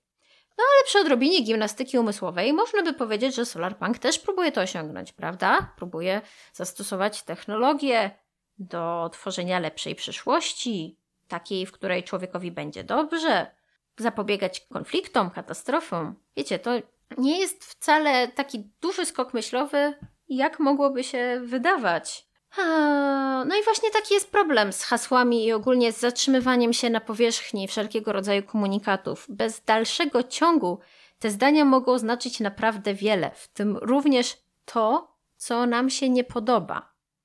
I dlatego jeśli Solarpunk ma osiągnąć sukces i zachować to, co jest w nim najlepsze, czyli postawę antykapitalistyczną, inkluzywną, nieantropocentryczną, ale bez odrzucania technologii i kultury, no to ludzie muszą wiedzieć również o tym, co jest w tym etosie, czyli właśnie o tych najlepszych rzeczach. Zatrzymywanie się na fragmencie, że Solarpunk to przyszłość, w której już wszystko jest dobrze i wygląda tak, tak i tak, nie jest tutaj dobre i właśnie no, sprzyja tym wszystkim złym mechanizmom. Chodzi o zachowanie pewnego krytycyzmu wobec osób, które mogą sprzedać nam ładny ekofaszyzm, nazywając go solarpunkiem. No ale do tego trzeba wiedzieć, jaki ten solarpunk powinien być, nie tylko z wyglądu, ale z serduszka. Na sam koniec chcę zaznaczyć, że nie chcę tutaj minimalizować znaczenia estetycznych doznań w ludzkim życiu, ani też wagi estetyki. Wręcz przeciwnie, symbole i swojego rodzaju identyfikacja wizualna są bardzo ważne i przydatne w aktywizmie, czy też w tworzeniu subkultur, no i mają duży wpływ na to, jak się czujemy sami ze sobą w swoim życiu prywatnym, bo chyba nikt nie chciałby żyć w otoczeniu, którego obrzydza, czy też wśród idei, które go obrzydzają. Też chciałabym zaznaczyć, że nie chcę tutaj temperować osób, które, które wyruszają na swoje estetyczne questy i szukają w internecie, jak mogą wyglądać, czy też czym mogą się interesować. Jest całkiem normalne i ludzkie i nie ma nic złego w interesowaniu się wyglądem i rozrywką. Chcę po prostu przekazać jedno tym całym swoim gadaniem, że Solarpunk może być czymś więcej niż tylko estetyką. I wręcz, że dla świata byłoby lepiej, gdyby był czymś więcej. Dziękuję bardzo za uwagę i przekazuję pałeczkę moim kolegom, współautorom eseju. Dziękujemy za pałeczkę Asiu, tłumaczko, autorko bloga 19 czwartych i audycji Dancing in Dystopia w Radio Kapitał. To my ją teraz weźmiemy i gładko wbiegniemy w kolejny fragment, czyli Część trzecia. Fantastyczne solarpunki i co z nimi zrobić, czyli polityka i aktywizm. Okej, okay, jak nas znacie, to wiecie, że zanim zaczniemy gadać o polityce, najpierw musimy sobie o niej pomyśleć trochę głębiej. Dlatego wprowadzimy trzy nowe pojęcia: hieroglify, podróż bohatera i squeakor? Czekaj, co? Jakiemu w ogóle jest to słowo? Dobra, od początku, bo hieroglify brzmią fajnie i statecznie. Pamiętacie, jak mówiliśmy we wprowadzającym wideo, że dla nas Solarpunk jest przede wszystkim nadzieją? No to mamy na to kwity, a konkretnie pojęcie hieroglifu wprowadzone w szeroko opublikowanym eseju Innovation Starvation, czyli głód innowacji, autora SF Nila Stevensona. Rozumie on hieroglify jako pewne zestawy ustalonych tropów w literaturze czy sztuce, które budują szczególny i spójny świat, nawet dla naukowca czy inżyniera. Czyli, że literatura science fiction może jak najbardziej inspirować realne zmiany w świecie i opisuje, jak wielki wpływ na amerykańskie programy kosmiczne Gemini i Apollo miała literatura tzw. Tak złotej ery science fiction, pełna odważnych historii o eksploracji kosmosu. A wszystko to właśnie dzięki hieroglifom. Bo widzicie, hieroglify to pewne zestawy ustalonych tropów w literaturze czy sztuce. Czyli na przykład, jeśli widzimy neonowe wieżowce nocą i ludzi z cyberwszczepami, to już wiemy, że mamy do czynienia ze światem cyberpunka. Podobnie wiemy, czego się spodziewać. Władzy megakorporacji, walki jednostek z systemem, supertechnologii przemieszanej z biedą. Hieroglify przydają się jednak nie tylko w konsumowaniu sztuki. Można wręcz powiedzieć, że to kwestia drugorzędna. Bo widzicie, w literaturze cyberpunkowej spodziewamy się cyberprzestrzeni i dobrze wiemy, czym jest. Autor nie musi spędzać kilku akapitów nad tłumaczeniem tego, jak ona działa. I to rozumienie przelewa się na prawdziwy świat. Cyberprzestrzeń znaliśmy już w latach 90., kiedy domowy internet był w najlepszym przypadku w powijakach. I ta znajomość cyberprzestrzeni umożliwiała nam rozmawianie o internecie i rozwijanie go. Stevenson opisuje o ile łatwiej było choćby projektowi kosmicznemu NASA, kiedy wszyscy pracujący mieli wspólny obraz rakiet z twórczości pisarza SF Roberta A. Heinleina. Oczywiście nie chodzi o to, aby co do joty wdrażać pomysły z SF, bo wiele elementów będzie przesadzone na potrzeby prozy ale żeby korzystając z tego wspólnego mentalnego obrazu przyjąć to, co działa, albo to, co może zadziałać. I tym właśnie Solarpunk jest, przynajmniej na tę chwilę. Poszukiwaniem nowych hieroglifów, często w sposób świadomy, abyśmy mogły i mogli wypracować sobie wspólną przestrzeń mentalną, kod, który będą wspierać aktywiści, hakerki, ogrodnicy i urbanistki, żeby nie trzeba było ustalać za każdym razem, ale czekaj, my nie chcemy w naszym świecie Gatesa, Zbawiciela i jego biopaliw do odrzutowców. Albo nie, centralizacja to przeciwieństwo Solarpunka. Okej, okay. Żeby była jasność, to dostaliśmy trochę takich komentarzy zarówno pod wideo o Solarpunku, zarówno tu, jak i na kanale anglojęzycznym. Solarpunk nie jest jakimś centralnym planem gotowym do wdrożenia. My teraz nie zamierzamy włazić na barykady i siedzieć na nich, dopóki cały świat stanie się siecią lokalnych społeczności, które będą w sposób zdecentralizowany produkować, nie wiem, karty graficzne, maszyny do rezonansu magnetycznego i satelity. Albo odwrotnie, aż na świecie przestanie istnieć jakakolwiek technologia, która nie jest możliwa do wyprodukowania w małych społecznościach. Pamiętajmy, że hieroglif, który jest pewnym szkieletem dla naszej kolektywnej wyobraźni, a nie jest koniecznym planem do wdrożenia, to jak, nie wiem, rakiety, które leciały na Marsa w kilka godzin. Coś, co nie jest możliwe, ale też nie rozbija wizji z hieroglifu, a raczej pokazuje pewien idealny kierunek, który powinniśmy zachować w pamięci. Różnica między ideałem a rzeczywistością jest ilościowa, a nie jakościowa. Oczywiście może też się okazać inaczej. Podobnie jak w przypadku cyberprzestrzeni, okazało się, że zanurzenie audiowizualne w abstrakcyjnych kształtach nie jest optymalnym sposobem na przeglądanie internetu, może się okazać, że solarpunkowa decentralizacja będzie wyglądała zupełnie inaczej niż wyobrażamy sobie to teraz. Bo pamiętajcie jedną ważną rzecz. To nie jest tak, że w filozofii i w kulturze ktoś nagle wymyśli nową perspektywę na świat i nowy język, którym ją opisuje. Pierwsze opisy perspektyw zawsze muszą odbyć się w starym języku, aby były zrozumiałe. Kolejnym problemem, który my teraz tylko zasygnalizujemy, a będzie o nim więcej później, jest to, w jaki sposób my na Zachodzie piszemy książki. Na pewno spotkaliście się z podróżą bohatera, nawet jeśli nie znacie tego terminu. Wszedł do obiegu w 1949 roku, kiedy religioznawca Joseph Campbell wysunął teorię monomitu, że wszystkie mity na świecie opowiadają tak naprawdę o tym samym, czyli o tym, jak no, bohater podróżuje, a przy okazji zmienia siebie i świat. A tak naprawdę, naprawdę, to te mity opowiadają o prawdach psychologicznych. Bo widzicie, Campbell opierał się na tym, jak mity rozumiał psychoanalityk Carl Gustav Jung, jako wyrazy pewnych uniwersalnych prawd dotyczących człowieka, które były może i mistyczne czy transcendentne, ale przede wszystkim psychologiczne. A tak w zasadzie to poniekąd jedno zawiera się w drugim. Tylko to, jak psychologię rozumieli Jung czy jego nauczyciel Sigmund Freud, ma mniej związku ze współczesnym rozumieniem psychologii, a więcej z hmm, filozoficznymi próbami opisania ludzkiej świadomości. W ten sposób stworzyli pewien sposób rozumienia człowieka, który ma swoją kontynuację do dzisiaj i potrafi być aktywny choćby w filozofii polityki w postaci śmietnikowego szopa Sławoja Żiżka. A jak już jesteśmy przy zwierzętach i psychoanalitykach, to chcemy tutaj uprzejmie poprosić o niekojarzenie psychoanalizy z Homar Tatusiem Jordanem Petersonem. Choć może o Jungu wie więcej niż o czymkolwiek innym na temat czego tak często się wypowiada, to jego reakcyjne bzdury to tylko jakaś autorska interpretacja Junga, która pomija to, że jeszcze inni ludzie o Jungu pisali. Czekajcie, gdzie ja byłem? A, tak. Podróż bohatera. Do mainstreamu przebiła się dzięki temu, że pierwsza część Gwiezdnych Wojen, Nowa Nadzieja, została napisana centralnie według planu Campbella, który przebiega mniej więcej tak. Krok pierwszy: bohater żyje codziennym życiem w zwyczajnym świecie.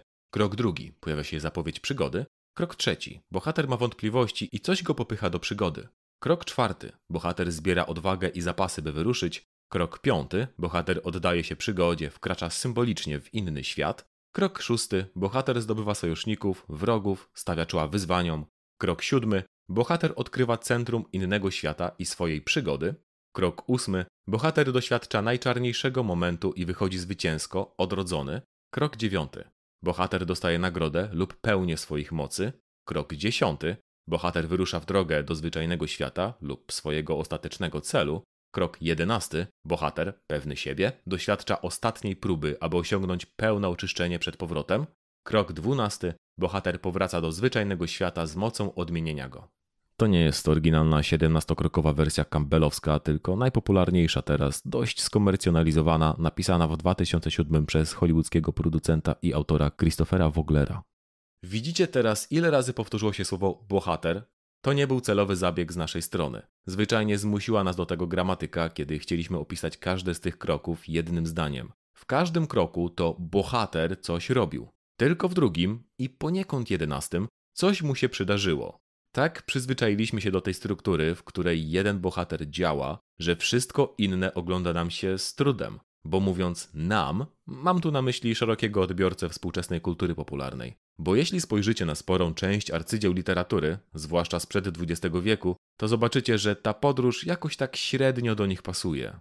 I teraz Campbell wymyślił tę podróż bohatera dosyć dawno i z czasem okazało się, że, jak każdy nowy wynalazek filozoficzny, coś, co miał tłumaczyć wszystko, w rzeczywistości bardzo się przydaje, ale tylko do ograniczonej ilości kwestii. Dlatego ostatnio popularne staje się krytykowanie Campbella i tworzenie alternatywnych wersji, jak podróż bohaterki, czy, co znów rozwiniemy później, podróż społeczności. Czyli zamiast opisu wiecznych prawideł świata, mamy interpretowanie ich przez poglądy swoje i swoich czasów. Klasyk. A i tak, Campbell był bardziej progresywny od Petersona, chociaż urodził się 60 lat wcześniej. Myślę, że pomogła mu tutaj pasja. praktykowanie tego, co mówi i nie bycie hochsztaplerem i chciwym homarem.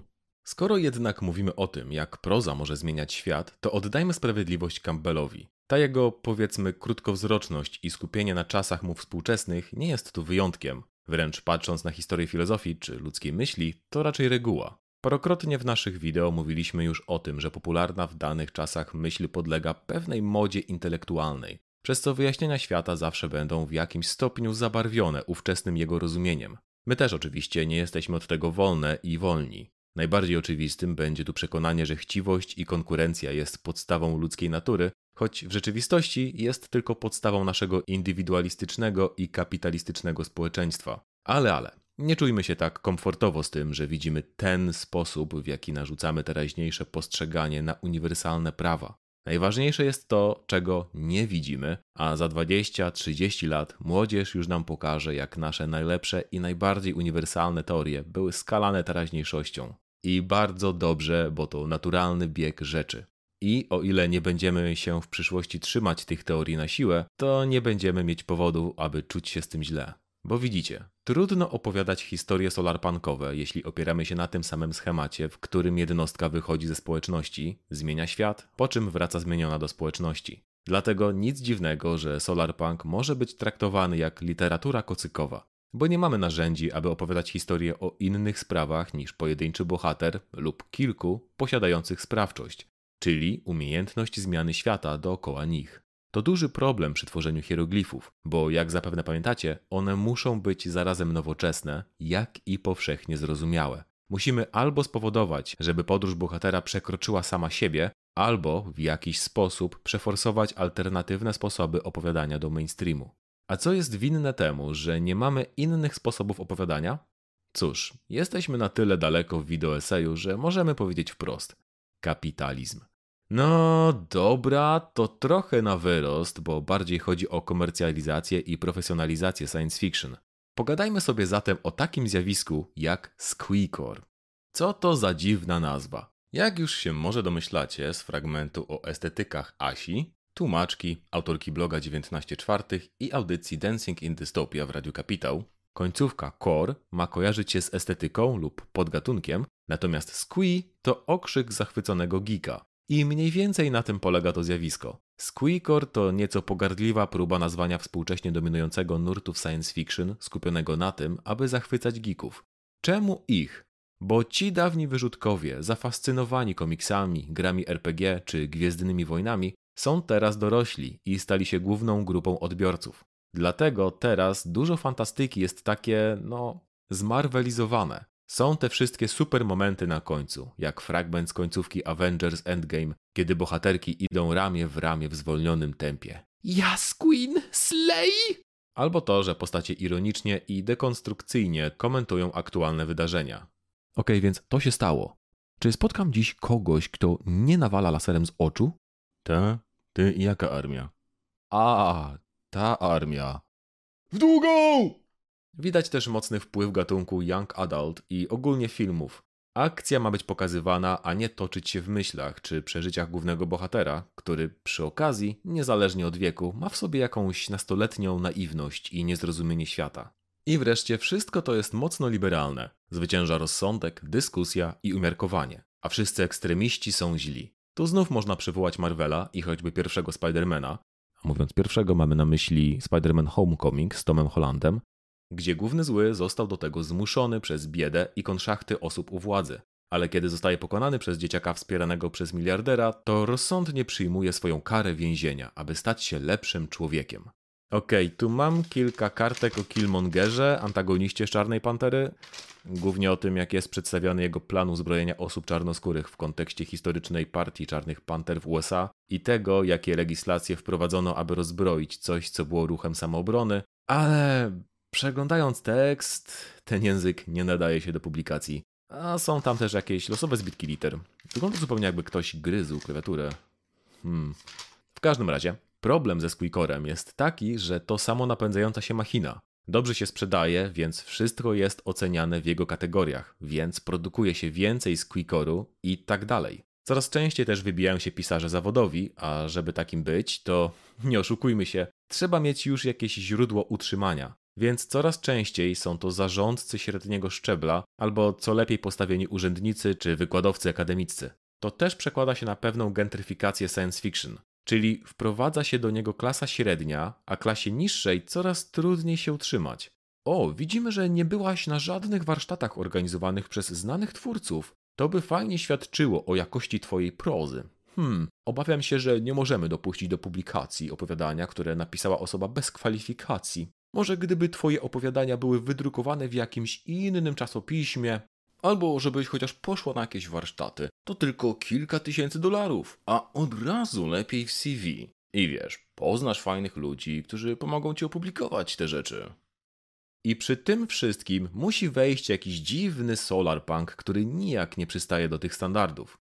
Czy dalej kogoś dziwi, że ten solarpunk, który się przebił, może być zaliczany do literatury kocykowej, skoro przynajmniej ta kocykowa jakoś się sprzedaje? Okej, okay. widzicie, że jakoś tak skaczemy i skaczemy z tematu na temat i może już domyślacie się dlaczego. Ten wideoesej Misty Popa doczekał się odpowiedzi kogoś spoza kręgu osób, które tylko siedzą w fotelu i nagrywają rzeczy na internet. Z całym szacunkiem dla Asi, tłumaczki, autorki bloga 19 czwartych i audycji Dancing in Dystopia w Radio Kapitał, która ma zresztą znacznie lepszy fotel od naszych.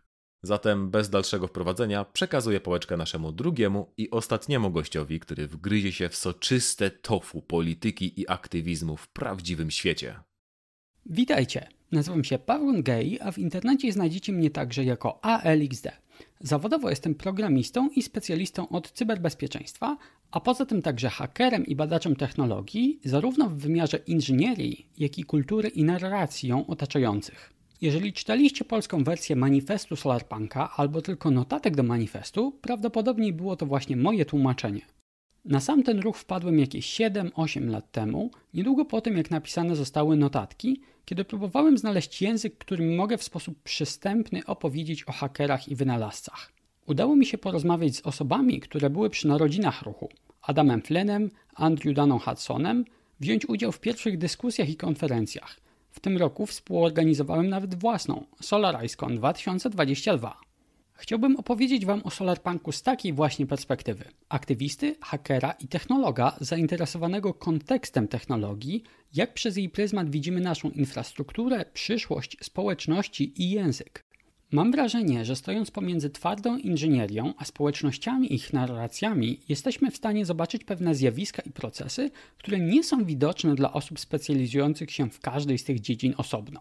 Myślę, że dzięki temu będę w stanie odpowiedzieć na kilka zarzutów postawionych Solarpunkowi przez mistycyzm popkulturowy w jego ostatnim eseju na ten temat, skupiającym się głównie na analizie literatury i ogólnie pojętej estetyki ruchu. Zacznijmy może od przykładu historii, którą ja sam uznaję za być może najbardziej solarpunkową, choć może być odległa od wielu opowiadań opublikowanych w popularnych antologiach. Zaczyna się tak. W jednym z najbiedniejszych krajów Afryki wybucha epidemia śmiertelnej choroby, na którą nie ma szczepień ani skutecznych leków. Prawie każdy zarażony umiera w cierpieniu, można ją opanować tylko unikając zakażonych i badając patogen. ONZ, Światowa Organizacja Zdrowia i Lekarze Bez Granic wysyłają swoje delegacje, które stawiają szpitale polowe i starają się pomóc jak tylko mogą. Mieszkańcy regionu są jednak przerażeni. Kto tylko ma pieniądze i możliwości, ucieka tak szybko i daleko, jak się tylko da. Pracownicy sektora bankowego i technologicznego, którzy zostają na miejscu, są w stanie ledwo podtrzymać przeciążoną infrastrukturę w trakcie kryzysu, nie mogąc liczyć na żadną pomoc z zewnątrz. Wobec ogromu zakażeń, dziesiątek tysięcy nowych pracowników medycznych, lekarzy, pielęgniarek, sanitariuszy, system płatności, który nigdy nie działał dobrze, całkowicie upada. Światowa Organizacja Zdrowia nie ma jak opłacić pensji, wysłać pieniędzy na leki, a nawet na żywność w szpitalach. Widząc, że ich bliscy umierają z głodu prędzej niż na nową chorobę, mieszkańcy wielu wiosek i miast organizują protesty, strajki, a w końcu odbijają pacjentów ze szpitali. Cała ekonomia pada, w kraju panuje chaos. Wielkie korporacje chciałyby pomóc, ale nie mogą, no bo widzicie, trzeba by było wysłać kogoś na miejsce. Wtedy właśnie trzech lokalnych hakerów technologów przychodzi do międzynarodowych NGO-sów, prezydenta i ONZ-u, mówiąc, że za pomocą wolnego i darmowego oprogramowania na używanych laptopach w dwa tygodnie są w stanie powstrzymać kraj przed upadkiem, budując nowy system płatności dla pracowników medycznych. Gwarantują jego transparentność i to, że żadne fundusze się nie zgubią. Wiedząc, że i tak gorzej być nie może, rząd daje im na to zgodę. Ku zdumieniu wszystkich, Lokalni programiści robią to, co obiecali. Tworzą w pełni przejrzysty system, który zastępuje infrastrukturę wielkich banków, umożliwia przelewy dla medyków, funkcjonowanie szpitali, dostarczenie potrzebnego prowiantu. Rozentuzjazmowani swoim sukcesem biorą się za kolejne problemy, naprawiając stare niedziałające maszyny w szpitalach, tworząc urządzenia pozwalające na automatyczne wypłacanie pensji personalowi bez zdejmowania strojów ochronnych i składania podpisów. System zaczyna funkcjonować ponownie. Epidemia zostaje opanowana. Według ONZ-u inicjatywa kilku technologów ratuje życie setkom tysięcy, jeżeli nie milionom osób. Nie są oczywiście sami w swoim sukcesie. Pozwolili jedynie pracy dziesiątek tysięcy medyków nie pójść na marne. Mamy więc epidemie, które często będą pojawiać się dzięki zmianom klimatu. Mamy niemoc wielkich struktur, korporacji, ONZ-u, rządów. Mamy działanie lokalnych aktywistów i wykorzystywanie niezależnej technologii, rozwiązania odżywalne i perspektywę pomijanych zwykle w takich historiach krajów Afryki.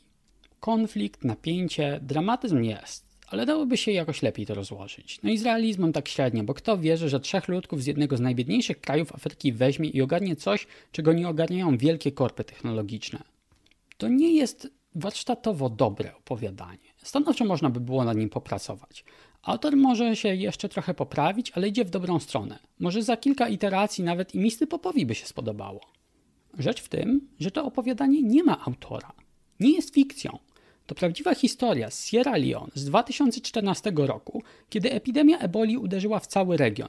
Lokalne chłopaki z IDT Labs to Salton Arthur Masali, Harold Valentine Max Saidu i Francis Banguara.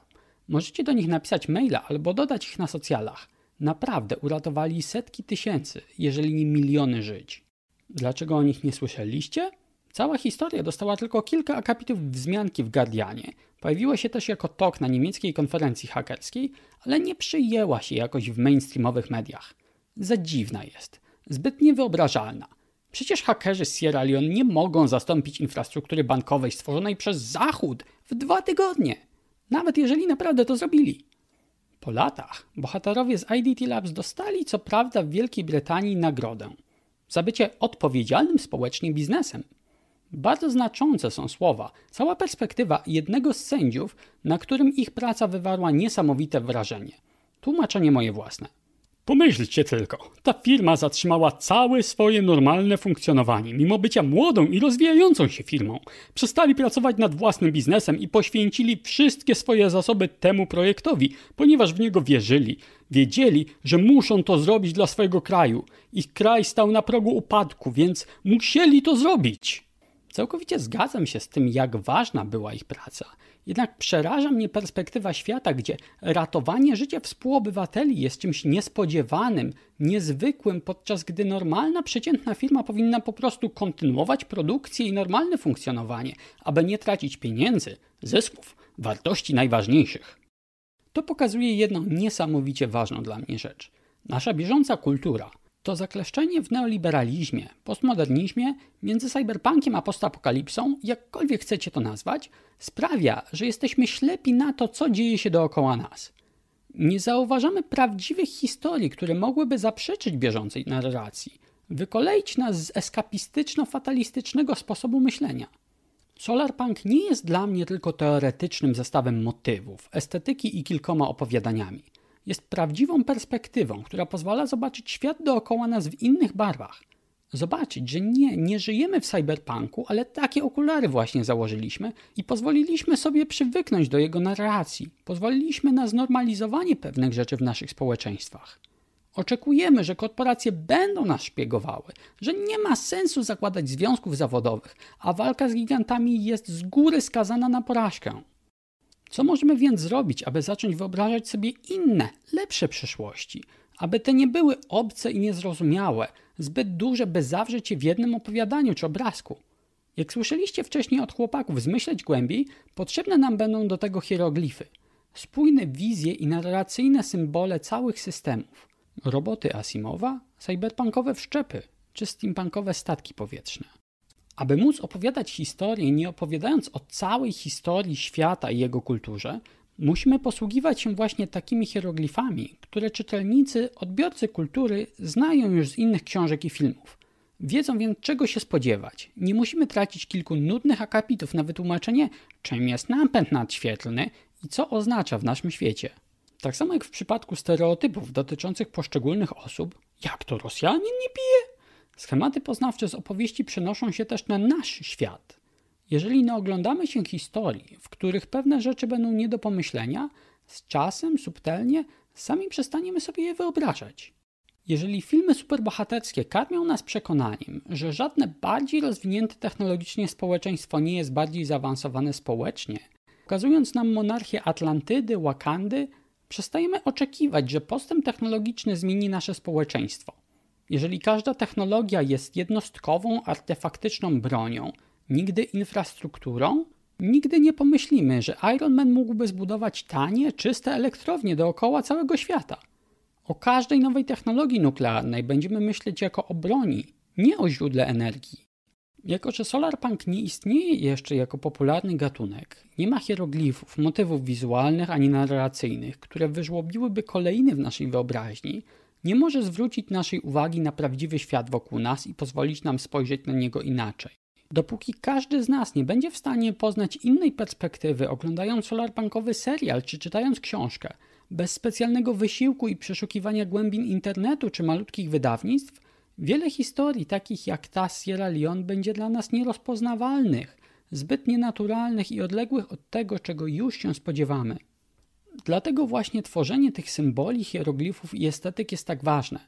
Nie jest to tylko i wyłącznie zachcianka znudzonych pisarzy, którzy chcą być fajniejsi od reszty, ale świadomy projekt społeczny, rodzaj aktywizmu, by przekonać społeczeństwo, że możemy widzieć, możemy żyć inaczej, pokazując propozycje światów bardziej atrakcyjnych, a nie mniej możliwych od naszego.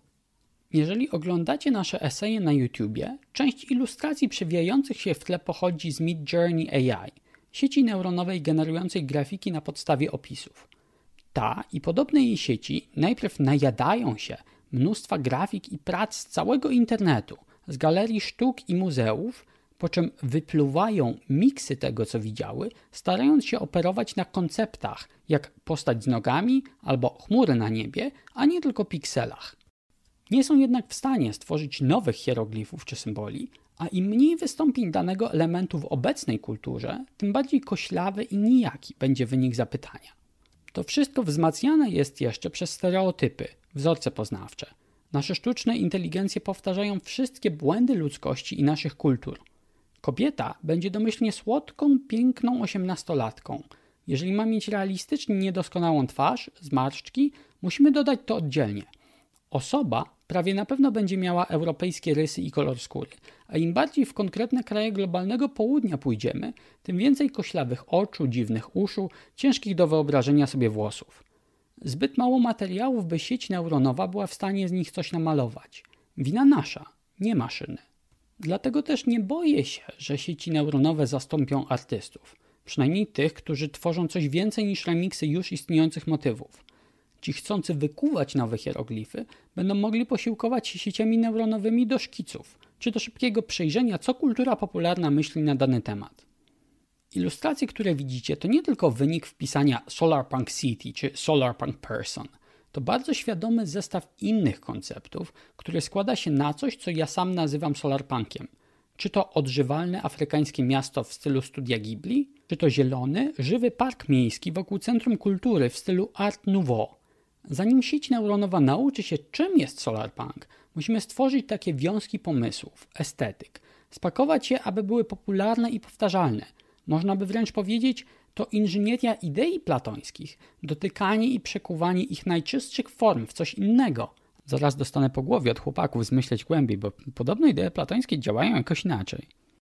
Nietrywialność tej pracy tworzenia symbolu jednocześnie wyraźnego, zrozumiałego i reprezentującego jakiś spójny obraz świata widać jeszcze lepiej na pracach ludzkich artystów. Student architektury, żywo zainteresowany solarpunkiem, przesłał mi kilka swoich szkiców, między innymi zielone centrum Warszawy i peron kolejowy, gdzie małe spółdzielnie rolnicze ładują swoje towary do małych kontenerów. Byłyby to dobre ilustracje do opowiadań dodających jakiś kontekst, ale jak sami widzicie, bez niego to jest jakieś zielone miasto i jakiś pociąg. Bo Warszawa za mocno kojarzy nam się z szarością, a spółdzielnie rolnicze nie są w żaden sposób zakodowane wizualnie w naszej kulturze. Jeżeli chcielibyśmy pójść jeszcze dalej, możemy spojrzeć na sam język i to, jak kształtuje naszą wyobraźnię, zanim jeszcze stworzy jakiś hieroglif. Odżywalność. Brzmi ładnie, tak około ekologicznie. Może nam się coś kojarzy, ale co to znaczy? Odżywalność jest propozycją tłumaczenia na polski słowa sustainability, powstałą przy okazji przekładu manifestu Solarpunka. To sustainability pojawia się ostatnio wszędzie, w dyrektywach unijnych, na plakatach promocyjnych, w kampaniach społecznych, opisie drewna jako sustainably grown. Słownik Cambridge mówi nam, że jest to określenie na zdolność do niewyrządzania krzywdy środowisku, a przez to trwania czy podtrzymywanie się przez dłuższy czas. Trwania, podtrzymywanie się dynamicznego, nie tylko leżenia jak kamień. Taka homeostaza. Ej, no przecież to jest ważny koncept. Jak to nie ma go w języku polskim? Co pan gadasz? Zajrzyjmy do słownika po polsku. Sustainability to po prostu zrównoważony rozwój. No właśnie, rozwój. Niezależnie jak zrównoważony, sustainability to nie jest balanced development. Ma podtrzymywać się w homeostazie, dynamicznie osiągać tak równowagę, ale nie ma tam ani słowa o rozwoju.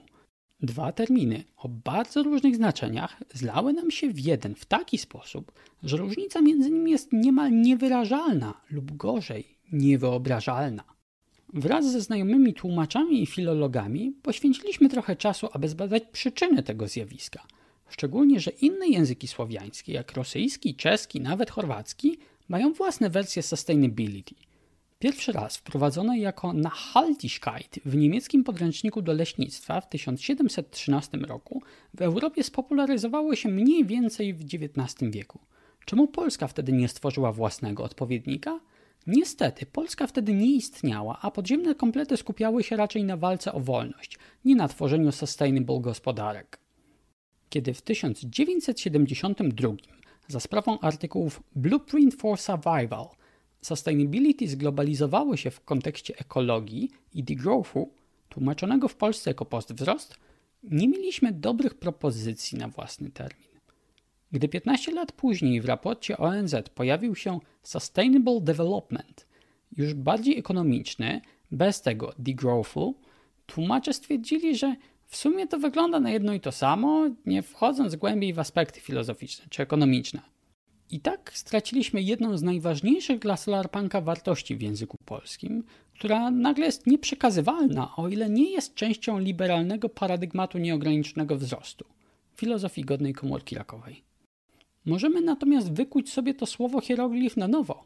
Podtrzymywalny, homeostazowalny, trwalny. Możemy też rozejrzeć się dookoła. Nasi sąsiedzi nie stracili tego słowa. Mamy chorwacką odziwość, rosyjską ustojciwość, stąd też wraz z innymi tłumaczami manifestu zaproponowaliśmy odżywalność, która sama niesie w sobie tą żywość, tą naturalność, a jednocześnie trwalność, którą też lubię, ale jest taka trochę skalno-planetarna. Jeżeli chcecie poczytać o tym więcej, pod tym filmem znajdziecie link do mojego bloga, gdzie analizuję to szczegółowo. Mając nowo wykute, gorejące jeszcze płomieniem kuźni słowo, sam mam zamiar używać go wszędzie, nawet bez błogosławieństwa Rady Języka Polskiego. Chciałbym, aby stało się niejako symbolem solarpunka w Polsce, symbolem świata bez nieograniczonego wzrostu, w którym degrowth, ten postwzrost, inny bardzo ciekawy termin, jest w ogóle wyobrażalny. A wracając do tego, co słowa i hieroglify budują, jak zauważają krytycy Solarpunka, wszystko ładnie, pięknie, tylko książki i opowiadania, które nazywają się solarpunkowymi, są póki co mało znane, często kiepskie lub sztuczne. Nie powstało jeszcze żadne wielkie dzieło, które wytyczyłoby ścieżkę naśladowcom. Jak zauważył sam mistycyzm popkulturowy, cały ruch wydaje się przez to nieorganiczny, wychodzący raczej z manifestów i nie inspirujący się sobą nawzajem. W dużej części jest to prawda – nie mamy jeszcze żadnego wielkiego dzieła, które zainspirowałoby rzesze artystów do tworzenia czegoś w tym samym świecie, tym samym językiem i hieroglifami. Nie wiem nawet, czy takie czyste naśladownictwo i remiksowanie znanych symboli nie zaszkodziłoby wręcz solarpunkowi. Bez głębszego zastanowienia nad tym, o czym piszemy, jakich motywów chcemy używać, a jakich nie, łatwo przecież wpaść w greenwashing, w pułapki opisane wcześniej w eseju o Squeakorze. Bo dlaczego by nie namalować solarpunkowej arystokracji w Art Nouveau? Skupić się na motywie tej magicznej zieleni, paneli słonecznych, oddać estetyce, napisać dobrą książkę w znajomej formie, która pozwoli na prawdziwą popularyzację. Problem w tym, że w ten sposób całkowicie zatracamy tego ducha szukania lepszego świata. Chwytamy się jednego motywu i powielamy wszystkie problemy, w jakie wpędziły nas dotychczasowe historie i ich perspektywy. Każde opowiadanie solarpunkowe jest więc świadomym prototypem hieroglifu. Często niezdarną, nieintuicyjną próbą stworzenia nowego symbolu, który nie sprowadzi nas na stare tory, ale zaproponuje coś nowego. Próbą, jak przyjmie się takie nasionko, czy wykiełkuje w wyobraźni popularnej. Warto też pamiętać, że przytłaczająca większość z nas ma kontakt jedynie z opowiadaniami, książkami, dziełami już wydanymi, to znaczy takimi, które przeszły przez sito edytorskie. Wydaje się to oczywiste, ale jednak warto pamiętać, że redaktorzy antologii często odrzucają nie tylko pozycje złe czy nudne, ale także te zbyt obce. Jeżeli wydawnictwo boi się, że książka jest zbyt dziwna, aby się sprzedać, raczej powieli coś już znanego, wyda sequel, nie zdecyduje się na ryzykowny rynkowo eksperyment. I tu znów wracamy do Squeakoru. Jako technolog wielokrotnie pomagałem pisarzom, artystom i scenopisarzom urealnić ich opowiadania, pokazać prawdziwą technologię, prawdziwe problemy, jakie powoduje, dramatyzm wynikający z infrastruktury niewidzialnej dla większości z nas. Było to bardzo ciekawe doświadczenie, ponieważ widziałem, jak wydawcy odrzucają mnóstwo, moim zdaniem, bardzo dobrych opowieści, bo te nie powielają tropów cyberpunkowych czy odpowiedniej formy konfliktu. Pewnego razu zostałem poproszony o pomoc w napisaniu serialu o hakerach walczących z pedofilami.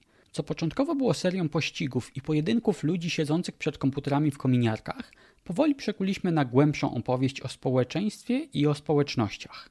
Szef szajki pedofilskiej nie pisał do dziesięciolatek Hej Haniu, nazywam się Wojtek i też mam 10 lat, a był filantropem fundującym biednym uczniom komputery, by mogli korzystać z internetu w domu – Żaden pedagog nie pomyślał nawet o sprawdzeniu ich pod kątem złośliwego oprogramowania, a pedofile mieli pełny dostęp do kamerek dzieciaków i nagrywali filmiki, jak w prawdziwej historii ze Stanów Zjednoczonych.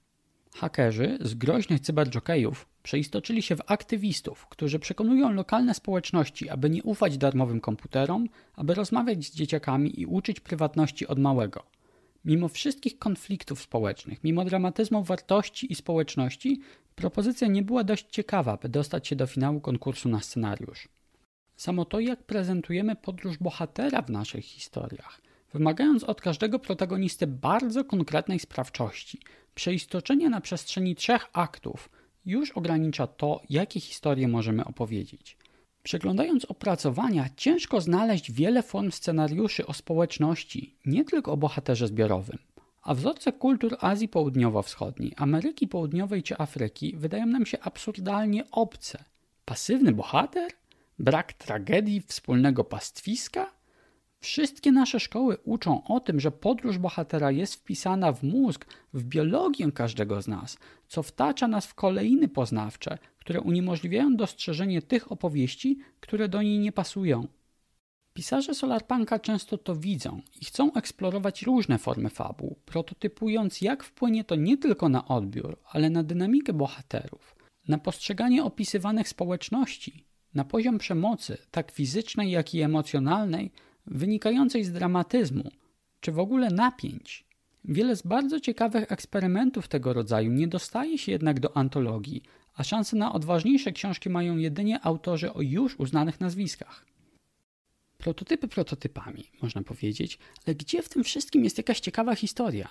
Mistycyzm popkulturowy w swoim eseju wskazywał na to, że ciężko wprowadzić dramatyzm, napięcie, konflikt w utopii, w której idee solarpunka już wygrały, w której wszystko się udało, wszyscy są szczęśliwi, klimat ustabilizowany, nasza cywilizacja zrównoważona i odżywalna.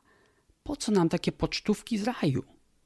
Pomijmy już nawet inspiracyjną wartość takiej pocztówki i naszą kulturową niechęć do uwierzenia w historię o miejscach bez ukrytych wad, które sama Ursula Le Guin eksplorowała w tych, którzy odchodzą z Omelas.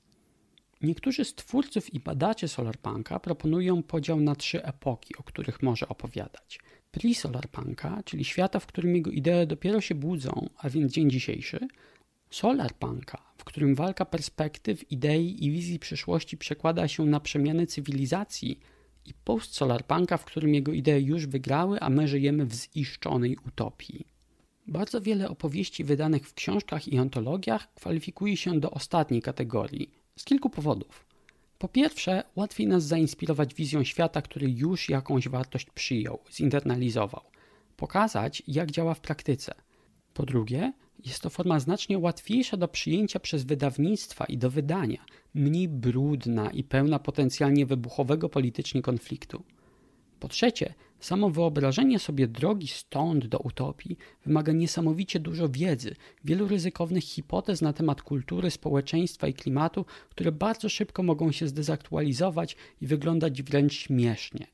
Post-solarpunk jest więc na wielu płaszczyznach po prostu bezpieczniejszy. Dla mnie samego sam solarpunk czas przemian, czas wojny idei, walki z nowymi problemami na sposoby, które dzisiaj są dla nas niewyobrażalne, jest ciekawszy. Jest to wizja przyszłości brudna i praktyczna, często znacznie mniej inspirująca, bardziej zmęczona i pełna porażek, ale zawierająca w sobie nadzieję, wyobrażająca sobie całą traumę zmian klimatu, jaka nadchodzi, i radzenie sobie z nią nie na poziomie magicznej współpracy całej cywilizacji, ale tysięcy, milionów bitew o to, by uratować lokalną społeczność, lokalny ekosystem, pokazująca tak życia, jak i sprawczość i tożsamość mieszkańców każdego małego regionu. Dla mnie samego Solarpunk to historie inspirowane tysiącami reportaży o świecie, którego nie widzimy. Obozy dla uchodźców zmieniające się w miasta dziesiątków języków i kultur. Traumy tysięcy górników tracących pracę i tożsamość, wyścig z czasem ekspertów chcących przekonać ludzi do zmniejszenia konsumpcji mięsa, zanim dojdzie do zamieszek. Te historie ociekają dramatyzmem, konfliktem, nawet bez potrzeby wprowadzenia głównego złego, a samymi tarciami społecznymi różnych grup interesów. I wszystkie mogą zawrzeć w sobie tą solarpunkową nadzieję i piękno współpracy, wspólnej wiary w lepsze jutro. Wraz z nauczycielami prowadzącymi zajęcia z klimatu w polskich szkołach napisaliśmy nawet 22 przykładowe zahaczki takich historii dla uczniów, którzy chcieliby spróbować swoich sił w wyobrażaniu sobie lepszego jutra – Linka do nich znajdziecie pod tym filmikiem. Warto też zapytać się, czym jest utopia w kontekście solarpunka? Czy jest to świat, gdzie rzeczywiście wszystko już się udało i pogrążony jest w pięknej, szczęśliwej stagnacji? Świat sprawiedliwy społecznie, w dużej mierze anarchistyczny, bez przemocy, konfliktów i nieporozumień? Czy ktokolwiek z nas, kto miał doświadczenie ze społecznościami anarchistycznymi, z jakąkolwiek pracą grupową, jest w stanie wyobrazić sobie ustalenie wspólnych wartości i współdziałanie bez nieporozumień i dram? Bez konfliktów o najmniejszy bzdet, ale też największe ideały? W moim odczuciu wizja świata bez toksycznych hierarchii pełna jest właśnie dynamicznych konfliktów, przekonywania się, kłótliwej homeostazy społecznej. Sam zaproponowałbym więc inną definicję utopii w solarpunku. Jest to świat, w którym wszyscy akceptują problemy, jakie stoją przed nami. Zmiany klimatu, nieodżywalność naszych technologii, gospodarek i cywilizacji i wszyscy zgadzają się, aby coś z tym zrobić. Nie muszą zgadzać się co do konkretnych rozwiązań i planów, ale są gotowi o tym rozmawiać. Dla mnie to jest właśnie świat, do którego chciałbym aspirować. Świat bez wypierania rzeczywistości, bez przemocy mającej uciszyć drugą stronę i pozbawić jej zdania. Coś, co rzeczywiście jest inspiracją dla lepszej przyszłości. No dobrze, dobrze, ale gdzie w tym wszystkim jest punk? To miał być solar punk, nie słoneczne, wszyscy chcą ze sobą rozmawiać. Gdzie jest rzucanie mołotowami w hiperkorpy, gdzie irokezy i bycie wyrzutkami społeczeństwa? Co jest punkowego w zakładaniu ogródka? A co jeżeli uznamy, że Solarpunk jest punkiem największym, bardziej niż ranerzy i samuraje ulicy z cyberpunka, bo odrzuca nie tylko świat korporacji, ale sam model rebelii, który utrwalił się w naszej kulturze? Wizje mrocznej przyszłości ostatnich 40-50 lat przyzwyczaiły nas do dychotomii. Złe korporacje, ich niewolnicy płacowi, którzy wiernie służą hiperbogatym panom, żyjąc od pierwszego do pierwszego – kontra hakerzy rebelianci żyjący poza systemem, wiecznie walczący z korpami i ich sługusami. Walka beznadziejna, jeżeli kiedykolwiek wygrywalna, to pyrrusowym zwycięstwem, bo samotny kowboj nie zastrzeli przecież całego systemu. Nawet gorzej, może zauważyć, że aby to wszystko osiągnąć, sam musiał stać się jego częścią, powielić te same struktury. Dobrze jest też zauważyć, że w historiach cyberpunkowych, nawet w Panu Robocie, Ofiarami rebeliantów są nie tylko systemy władzy, ale rykoszetem obrywają też postronni. Mamy sobie zinternalizować, że walka jest zła, anarchiści groźni, bo mogą nas skrzywdzić, bo wszystko co robią, to walczą, sabotują i niszczą. Nigdy nie budują. Jeżeli już coś stworzą, to rozpaczliwie, jako chwilową ostoję, narzędzie walki ze złym systemem, z korporacjami, z faszystowskim państwem. Nie mogą stworzyć nic poza tą dychotomią, poza modelem rebelii, który już został kooptowany przez cały świat i system. Więc i my nie widzimy możliwości po prostu wyjścia i zbudowania czegoś poza. Nie zauważamy prawdziwego świata, który robi właśnie to. Dla mnie samego najlepszym wskaźnikiem tego, czy nasza narracja jest w ogóle solarpunkowa, jest pytanie, czy możemy w jej ramach opowiedzieć o Wikipedii jako o projekcie. Nie o narzędziu walki z tym złym, nie o beznadziejnym narzędziu kontroli umysłów przez rządy i korporacje, ale po prostu o wielkim projekcie. Bo Wikipedia ze wszystkimi swoimi wadami jest właśnie wielkim projektem, czymś, o czym marzyły pokolenia pisarzy science fiction, wielką encyklopedią, która zawiera prawie całość ludzkiej wiedzy, dostępną dla każdego za darmo w każdej chwili, tworzona przez każdego z nas jako edytora, badacza, naukowca, gdzie społecznie redagujemy i poprawiamy, sprzeczamy się i wypracowujemy porozumienia. To sukces w skali całej cywilizacji, cud świata, niemożliwy do wyobrażenia sobie, gdyby już nie istniał. Nie umiemy więc o nim opowiadać, bo nie mamy na niego hieroglifów. Bibliotekarze nie są bohaterami. Dzielenie się wiedzą, archiwizowanie historii regionu, zanim przepadnie, to nie jest dramatyzm. I tu właśnie według mnie leży punk w solarpunku. Budowanie alternatyw zamiast beznadziejnej walki. Nie dawanie się wpisać w czyjąś narrację, by móc stać się bezpiecznymi, bo przewidywalnymi rebeliantami – Solarpunk to akceptacja ruchów oddolnych, współpracy ze wszystkimi konfliktami, niedoskonałościami jako czegoś pięknego, czegoś o czym należy opowiadać. Move quietly and plant things. Cicha praca tysięcy, milionów ludzi pracujących nad lepszym jutrem, nad alternatywami, sadzących małe ziarenka nadziei i poprawiających świat nawet tylko po trochu, aby zasadzić las, który wykiełkuje siłą wielu drzew naukowcy, inżynierowie tworzący otwarte oprogramowanie, aktywiści społeczni przekonujący nieprzekonanych, ludzie wierzący w nowe narracje, punkowe wobec punków, którzy utknęli w swoich kolejnach poznawczych. I nagle widzimy prawdziwe historie, których nie zauważaliśmy, a które są bardziej solarpunkowe niż całe antologie fikcji. Gdy wybuchł reaktor atomowy w Fukushimie w Japonii, infrastruktura państwa nie była na to gotowa – w regionie było tylko kilka czujników promieniowania, nie było wiadomo, w którą stronę przemieszcza się opad radioaktywny.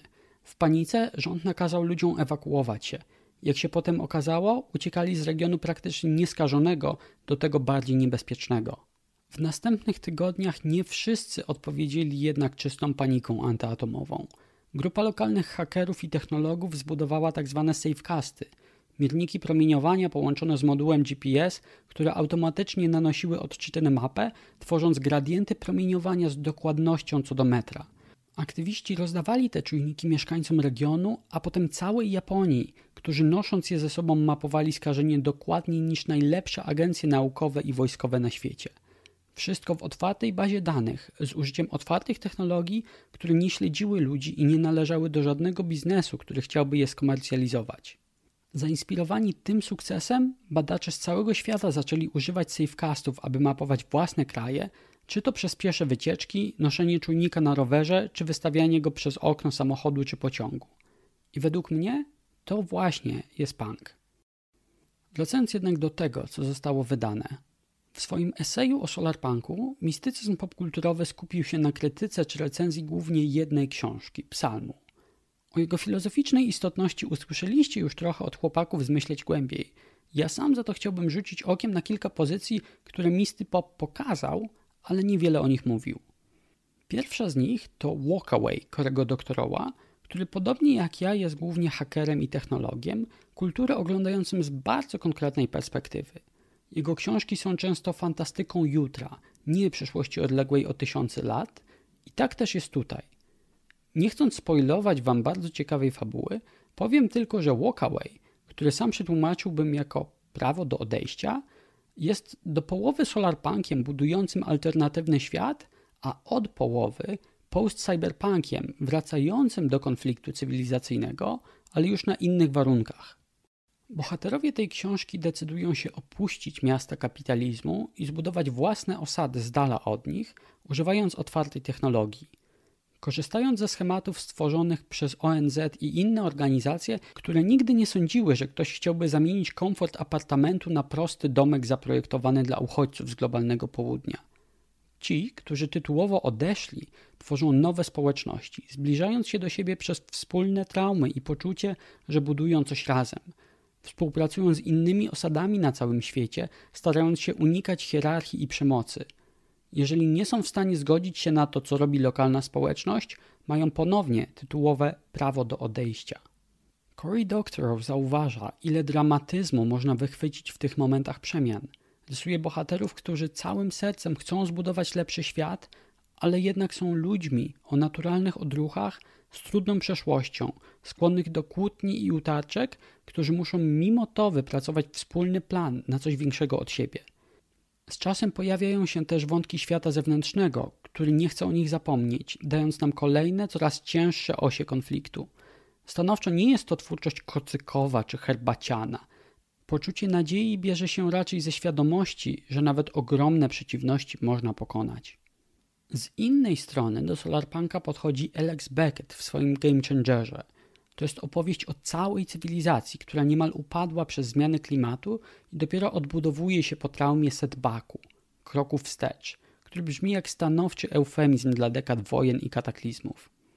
Podążając za kilkorgiem bohaterów, widzimy śmiałe propozycje, które składają się na dość spójny obraz świata, który jest inny, ale wciąż wyobrażalny. Mamy waluty oparte na kredytach węglowych, czyli tym, ile węgla wychwycimy z atmosfery, co czyni na przykład loty międzykontynentalne niesamowicie drogimi, dostępnymi jedynie w absolutnej ostateczności.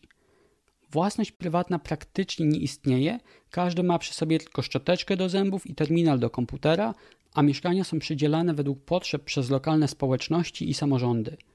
Nie jest to jednak komunistyczny ascetyzm – Mieszkańcy mogą odwiedzić swoich przyjaciół z całego świata w rozszerzonej rzeczywistości, dekorować proste ściany niemożliwymi kolorowymi wzorami, odpoczywać w grach komputerowych, rozwijających sprawność fizyczną lub gamifikujących pomoc innym, jak podlewanie kwiatów, zbieranie owoców dronem, optymalizacja jakiegoś mało widocznego procesu uzdatniania gleby. Sami możemy ocenić, czy jest to dla nas utopia czy dystopia. Natomiast na pewno jest to bardzo odważna propozycja świata, nie ignorującego zmian. Prototyp przyszłości większy i bardziej złożony niż większość krótkich opowiadań dostępnych gdzie indziej. Wizji równie głębokich i ambitnych jest więcej. Oferują nam solidne hieroglify do analizy, ponownego wykorzystania i wzmocnienia lub porzucenia jako coś nieodpowiedniego bądź nieskutecznego. Czy chcemy łączyć przyszłość z brakiem prywatności? Czy biotechnologie będą ważniejsze niż inżynieria materiałowa? jakie jest miejsce jednostki w społeczeństwie i społeczności, które muszą coś poświęcić. Został nam jeszcze jeden aspekt solarpunka. To, że jest w nim miejsce dla przedstawicieli każdej kultury i regionu świata. Nie ma on opowiadać tylko o zglobalizowanych ekomiastach Stanów Zjednoczonych czy Chin, ale pozwolić wyobrazić sobie odżywalną Malezję, Kolumbię, Burkina Faso czy Polskę. Każdy region będzie miał swoje własne problemy i rozwiązania, które mogą nie działać gdzie indziej. Kenia nie potrzebuje ogrzewania na zimę, a łódź nie musi się za bardzo przygotowywać na trzęsienia ziemi. Każda kultura może chcieć opowiedzieć własną wizję przyszłości, współpracując z innymi i dzieląc się wiedzą, ale nie tracąc własnej tożsamości. Solarpunk chce dać im na to przestrzeń i zaprosić do wspólnej debaty, do chóru i do wielogłosu. Nie jestem znawcą polskiej fantastyki naukowej, ale nie widziałem przez ostatnie kilka dekad żadnych wielkich, odważnych i realistycznych wizji przyszłości naszego kraju, w szczególności wobec zmian klimatu. Widziałem wiele powtórzeń hieroglifów przeszłości, przeżywania dawnych traum i sukcesów, strachów przed niepewnym jutrem, ale nie odważnych wizji czy propozycji. Od dziesięcioleci wiemy, że będziemy musieli się zmienić. Wiemy, że kopalnie węgla na Śląsku będą musiały być zamknięte i żadne magiczne nanoroboty z polskiego grafenu tego nie zmienią. Boimy się jednak, czym będzie Śląsk bez górnictwa? Czy sama próba wyobrażenia sobie tego nie jest świętokradztwem i obrazą dla każdego Ślązaka? Solarpunk zachęca nas, żebyśmy nie bali się zmian, które i tak nadejdą, a zamiast tego wyobrazili je sobie i przygotowali się na nie, aby móc się w nich łatwiej odnaleźć. Jak czulibyśmy się słysząc taką historię? Gdy na Śląsku zamknięto wszystkie kopalnie, wiele osób myślało, że region zupełnie straci swoją tożsamość. Nikt nie przewidział, że z początkowo tylko kilku kursów obsługi elektrowni wiatrowych Śląsk stworzy nową historię o sobie. Po kilkunastu latach śląska gotka stała się de facto oficjalnym językiem serwisantów wiatraków w Polsce, a barburka europejskim świętem wiatru. Może się nam to wydawać dzisiaj naiwne, kanciaste i sztuczne, ale jest to pierwszy krok, solarpunkowy prototyp naszej przyszłości. Możemy ich zacząć tworzyć więcej, aż w końcu któryś załapie i stworzymy hieroglif naszej własnej polskiej przyszłości bez strachu przed nieznanym i zatracenia się w tym, co już było. W tym duchu wraz z polskimi nauczycielami stworzyliśmy dwa lata temu solarpunkowy konkurs fikcji klimatycznej, który miał sobie właśnie wyobrażać małe, lokalne, ale odważne przyszłości Polski. Link do pierwszej edycji możecie znaleźć pod tym filmikiem. A w tym roku jego organizacji podjęło się krakowskie biuro festiwalowe, a zwycięskie opowiadania mają zostać ogłoszone już we wrześniu i będą dostępne pod tym samym adresem. Niezależnie od nas podobną pracę wykonuje też Szkoła Ekopoetyki działająca pod Instytutem Reportażu pod przewodnictwem Filipa Springera. Link pod spodem. W maju tego roku wraz z innymi solarpunkowymi aktywistami zorganizowaliśmy międzynarodową konferencję internetową SolarIceCon, gdzie na czterech panelach aktywiści, technologowie, naukowcy, artyści i pisarze dyskutowali nad tym, czym solarpunk, jego estetyka, narracje i perspektywy są dla nich. Jeżeli chcecie dowiedzieć się więcej o spojrzeniach z całego świata, możecie zajrzeć, jest na YouTubie, a link pod spodem. Kończąc cały mój przydługi esej, chciałem tylko powtórzyć dwie myśli, które dla mnie samego są najważniejsze. Solarpunk dzisiaj jest soczewką, która pozwala zobaczyć części świata, których na co dzień nie dostrzegamy, i fundamentem serią prototypów pod nowy język, którym opowiemy lepsze jutro. Utopia nie musi być statycznym i nudnym rajem. Może być dynamiczną homeostazą, pełną konfliktów, gdzie jednak wszyscy dostrzegają otaczające ich problemy i chcą je razem rozwiązać. Takiego solarpunka chcę tworzyć i czytać. I takiego solarpunka Wam również życzę. Dzięki Paweł za Twoją perspektywę. Jak pewnie widzicie, jest trochę bardziej konkretna od naszej. Drobna uwaga z tymi nieszczęsnymi ideami platońskimi. Platońskie idee, czy też lepiej formy, to nie są pomysły, które mamy w głowach, tylko takie transcendentne, czyli pozaświatowe instrukcje budowy i działania rzeczywistości, tej materialnej i tej niematerialnej. Na wizję chrześcijańską było to przekładane jako plany i projekty w umyśle Boga, więc inżynieria ich jest e, taka se. To raczej zabawy z obiegową opinią pośród ludzi, którą Platon stawiał zdecydowanie niżej w hierarchii prawdziwości i ważności. No dobra, idei sprawiedliwości stało się zadość. Przed zakończeniem jeszcze kilka ciekawostek na temat tego materiału z ostatniej chwili. Dosłownie na dwa dni przed ostatecznym zamknięciem prac, czyli dzisiaj, kiedy to nagrywam, a Psalm for the Wild Build, czyli historia Moskapa i Dex, wygrała nagrodę Hugo w kategorii najlepszej noweli. To takie Oscary dla fantastyki wraz z nagrodą Nebula. Czyli jakoś tam ten solarpunk się przebija do mainstreamu, nawet jeśli w wersji kocykowej. W swoim fragmencie Paweł mówi o degrowth, który tłumaczy się na polski jako postwzrost. I tu czujemy, że to trochę może być nasza wina, bo tak samo je przetłumaczyliśmy w wideo o Kurzgesagt, zainspirowani tłumaczeniem książki Jasona Hickela Mniej znaczy lepiej. Tylko znów na dwa dni przed dopięciem materiału zmieniliśmy zdanie i od tej pory będziemy używać terminu devzrost. Może nie brzmi to ładnie i jest bardziej konfrontacyjny, ale to właśnie jego zaleta. Bo devzrostu nigdy nie da się przejąć tak, aby po odmalowaniu na zielono służył status quo. Czyli jak to się stało ze słowami sustainability, albo z tym czysto estetycznym cyberpunkiem, który jest już tylko fajnymi nocnymi wieżowcami, a nie krytyką współczesnego świata. Ale no, to temat kolejnego długiego wideo, które wyjdzie kiedyś. Podobno pan S już kończy research. Okej, okay. kochane, kochanu, kochani i wszystkie istoty pozazwierzęce ze swoimi formami gramatycznymi. Dziękujemy Wam za obejrzenie, czy tam wysłuchanie tego materiału. Dajcie znać, co myślicie o takiej wymianie platform i idei w komentarzach. Piszcie też, jeśli macie jakieś pytania do osób goszczących. Tam też je spotkacie i pewnie nawet będą Wam odpowiadać. A może macie pomysły na jakąś kolejną dyskusję w tematach około solarpunkowych? Pamiętajcie odwiedzić też blog Asi, czyli 19 czwartych, jak i jej audycję Dancing in Dystopia w Radiu Kapitał i bloga Pawła, czyli ALXD. Zamieszczamy też link do zorganizowanej przez niego konferencji internetowej, która tu się przewijała. Niestety tylko po angielsku, ale zdecydowanie warto, aby zobaczyć różnorodność perspektyw. I to jest też ten moment, kiedy przypominamy o wideo Misty Popa. Dziękujemy także Skandinawian 101 za te grafiki koncepcyjne w segmencie Pawła, które też teraz widzicie na ekranie. A znajdziecie go na Twitterze jako scan przez C podkreślnik 101. Link w opisie. Na zakończenie, jak zawsze, gorąco dziękujemy naszym patronom, a w szczególności Adam Kępiński, Adrian Głuchowski, Bartosz Barwikowski, Czabata, DDDDDDDDD, Dosia, Jean, Jacek Kiliański, Janusz Grażyński, Jednorożek, Nulenstein, Konrad Wawrowski, Król i Królik, Loken, Magos Errant, Małgorzata Sajnok, Mariusz Wo, Mr. Fox, Mordechaj Gumibaum, Ouli, Patrycja, Paweł Litwinowicz, Paweł Pawlik, Praptak, Rafał Podgórski, Sachi, Szefo oraz Wodzu Metal. Kochani, pamiętajcie też o lajkowaniu, szerowaniu i komentowaniu. I widzimy się w kolejnym wideo. Trzymajcie się.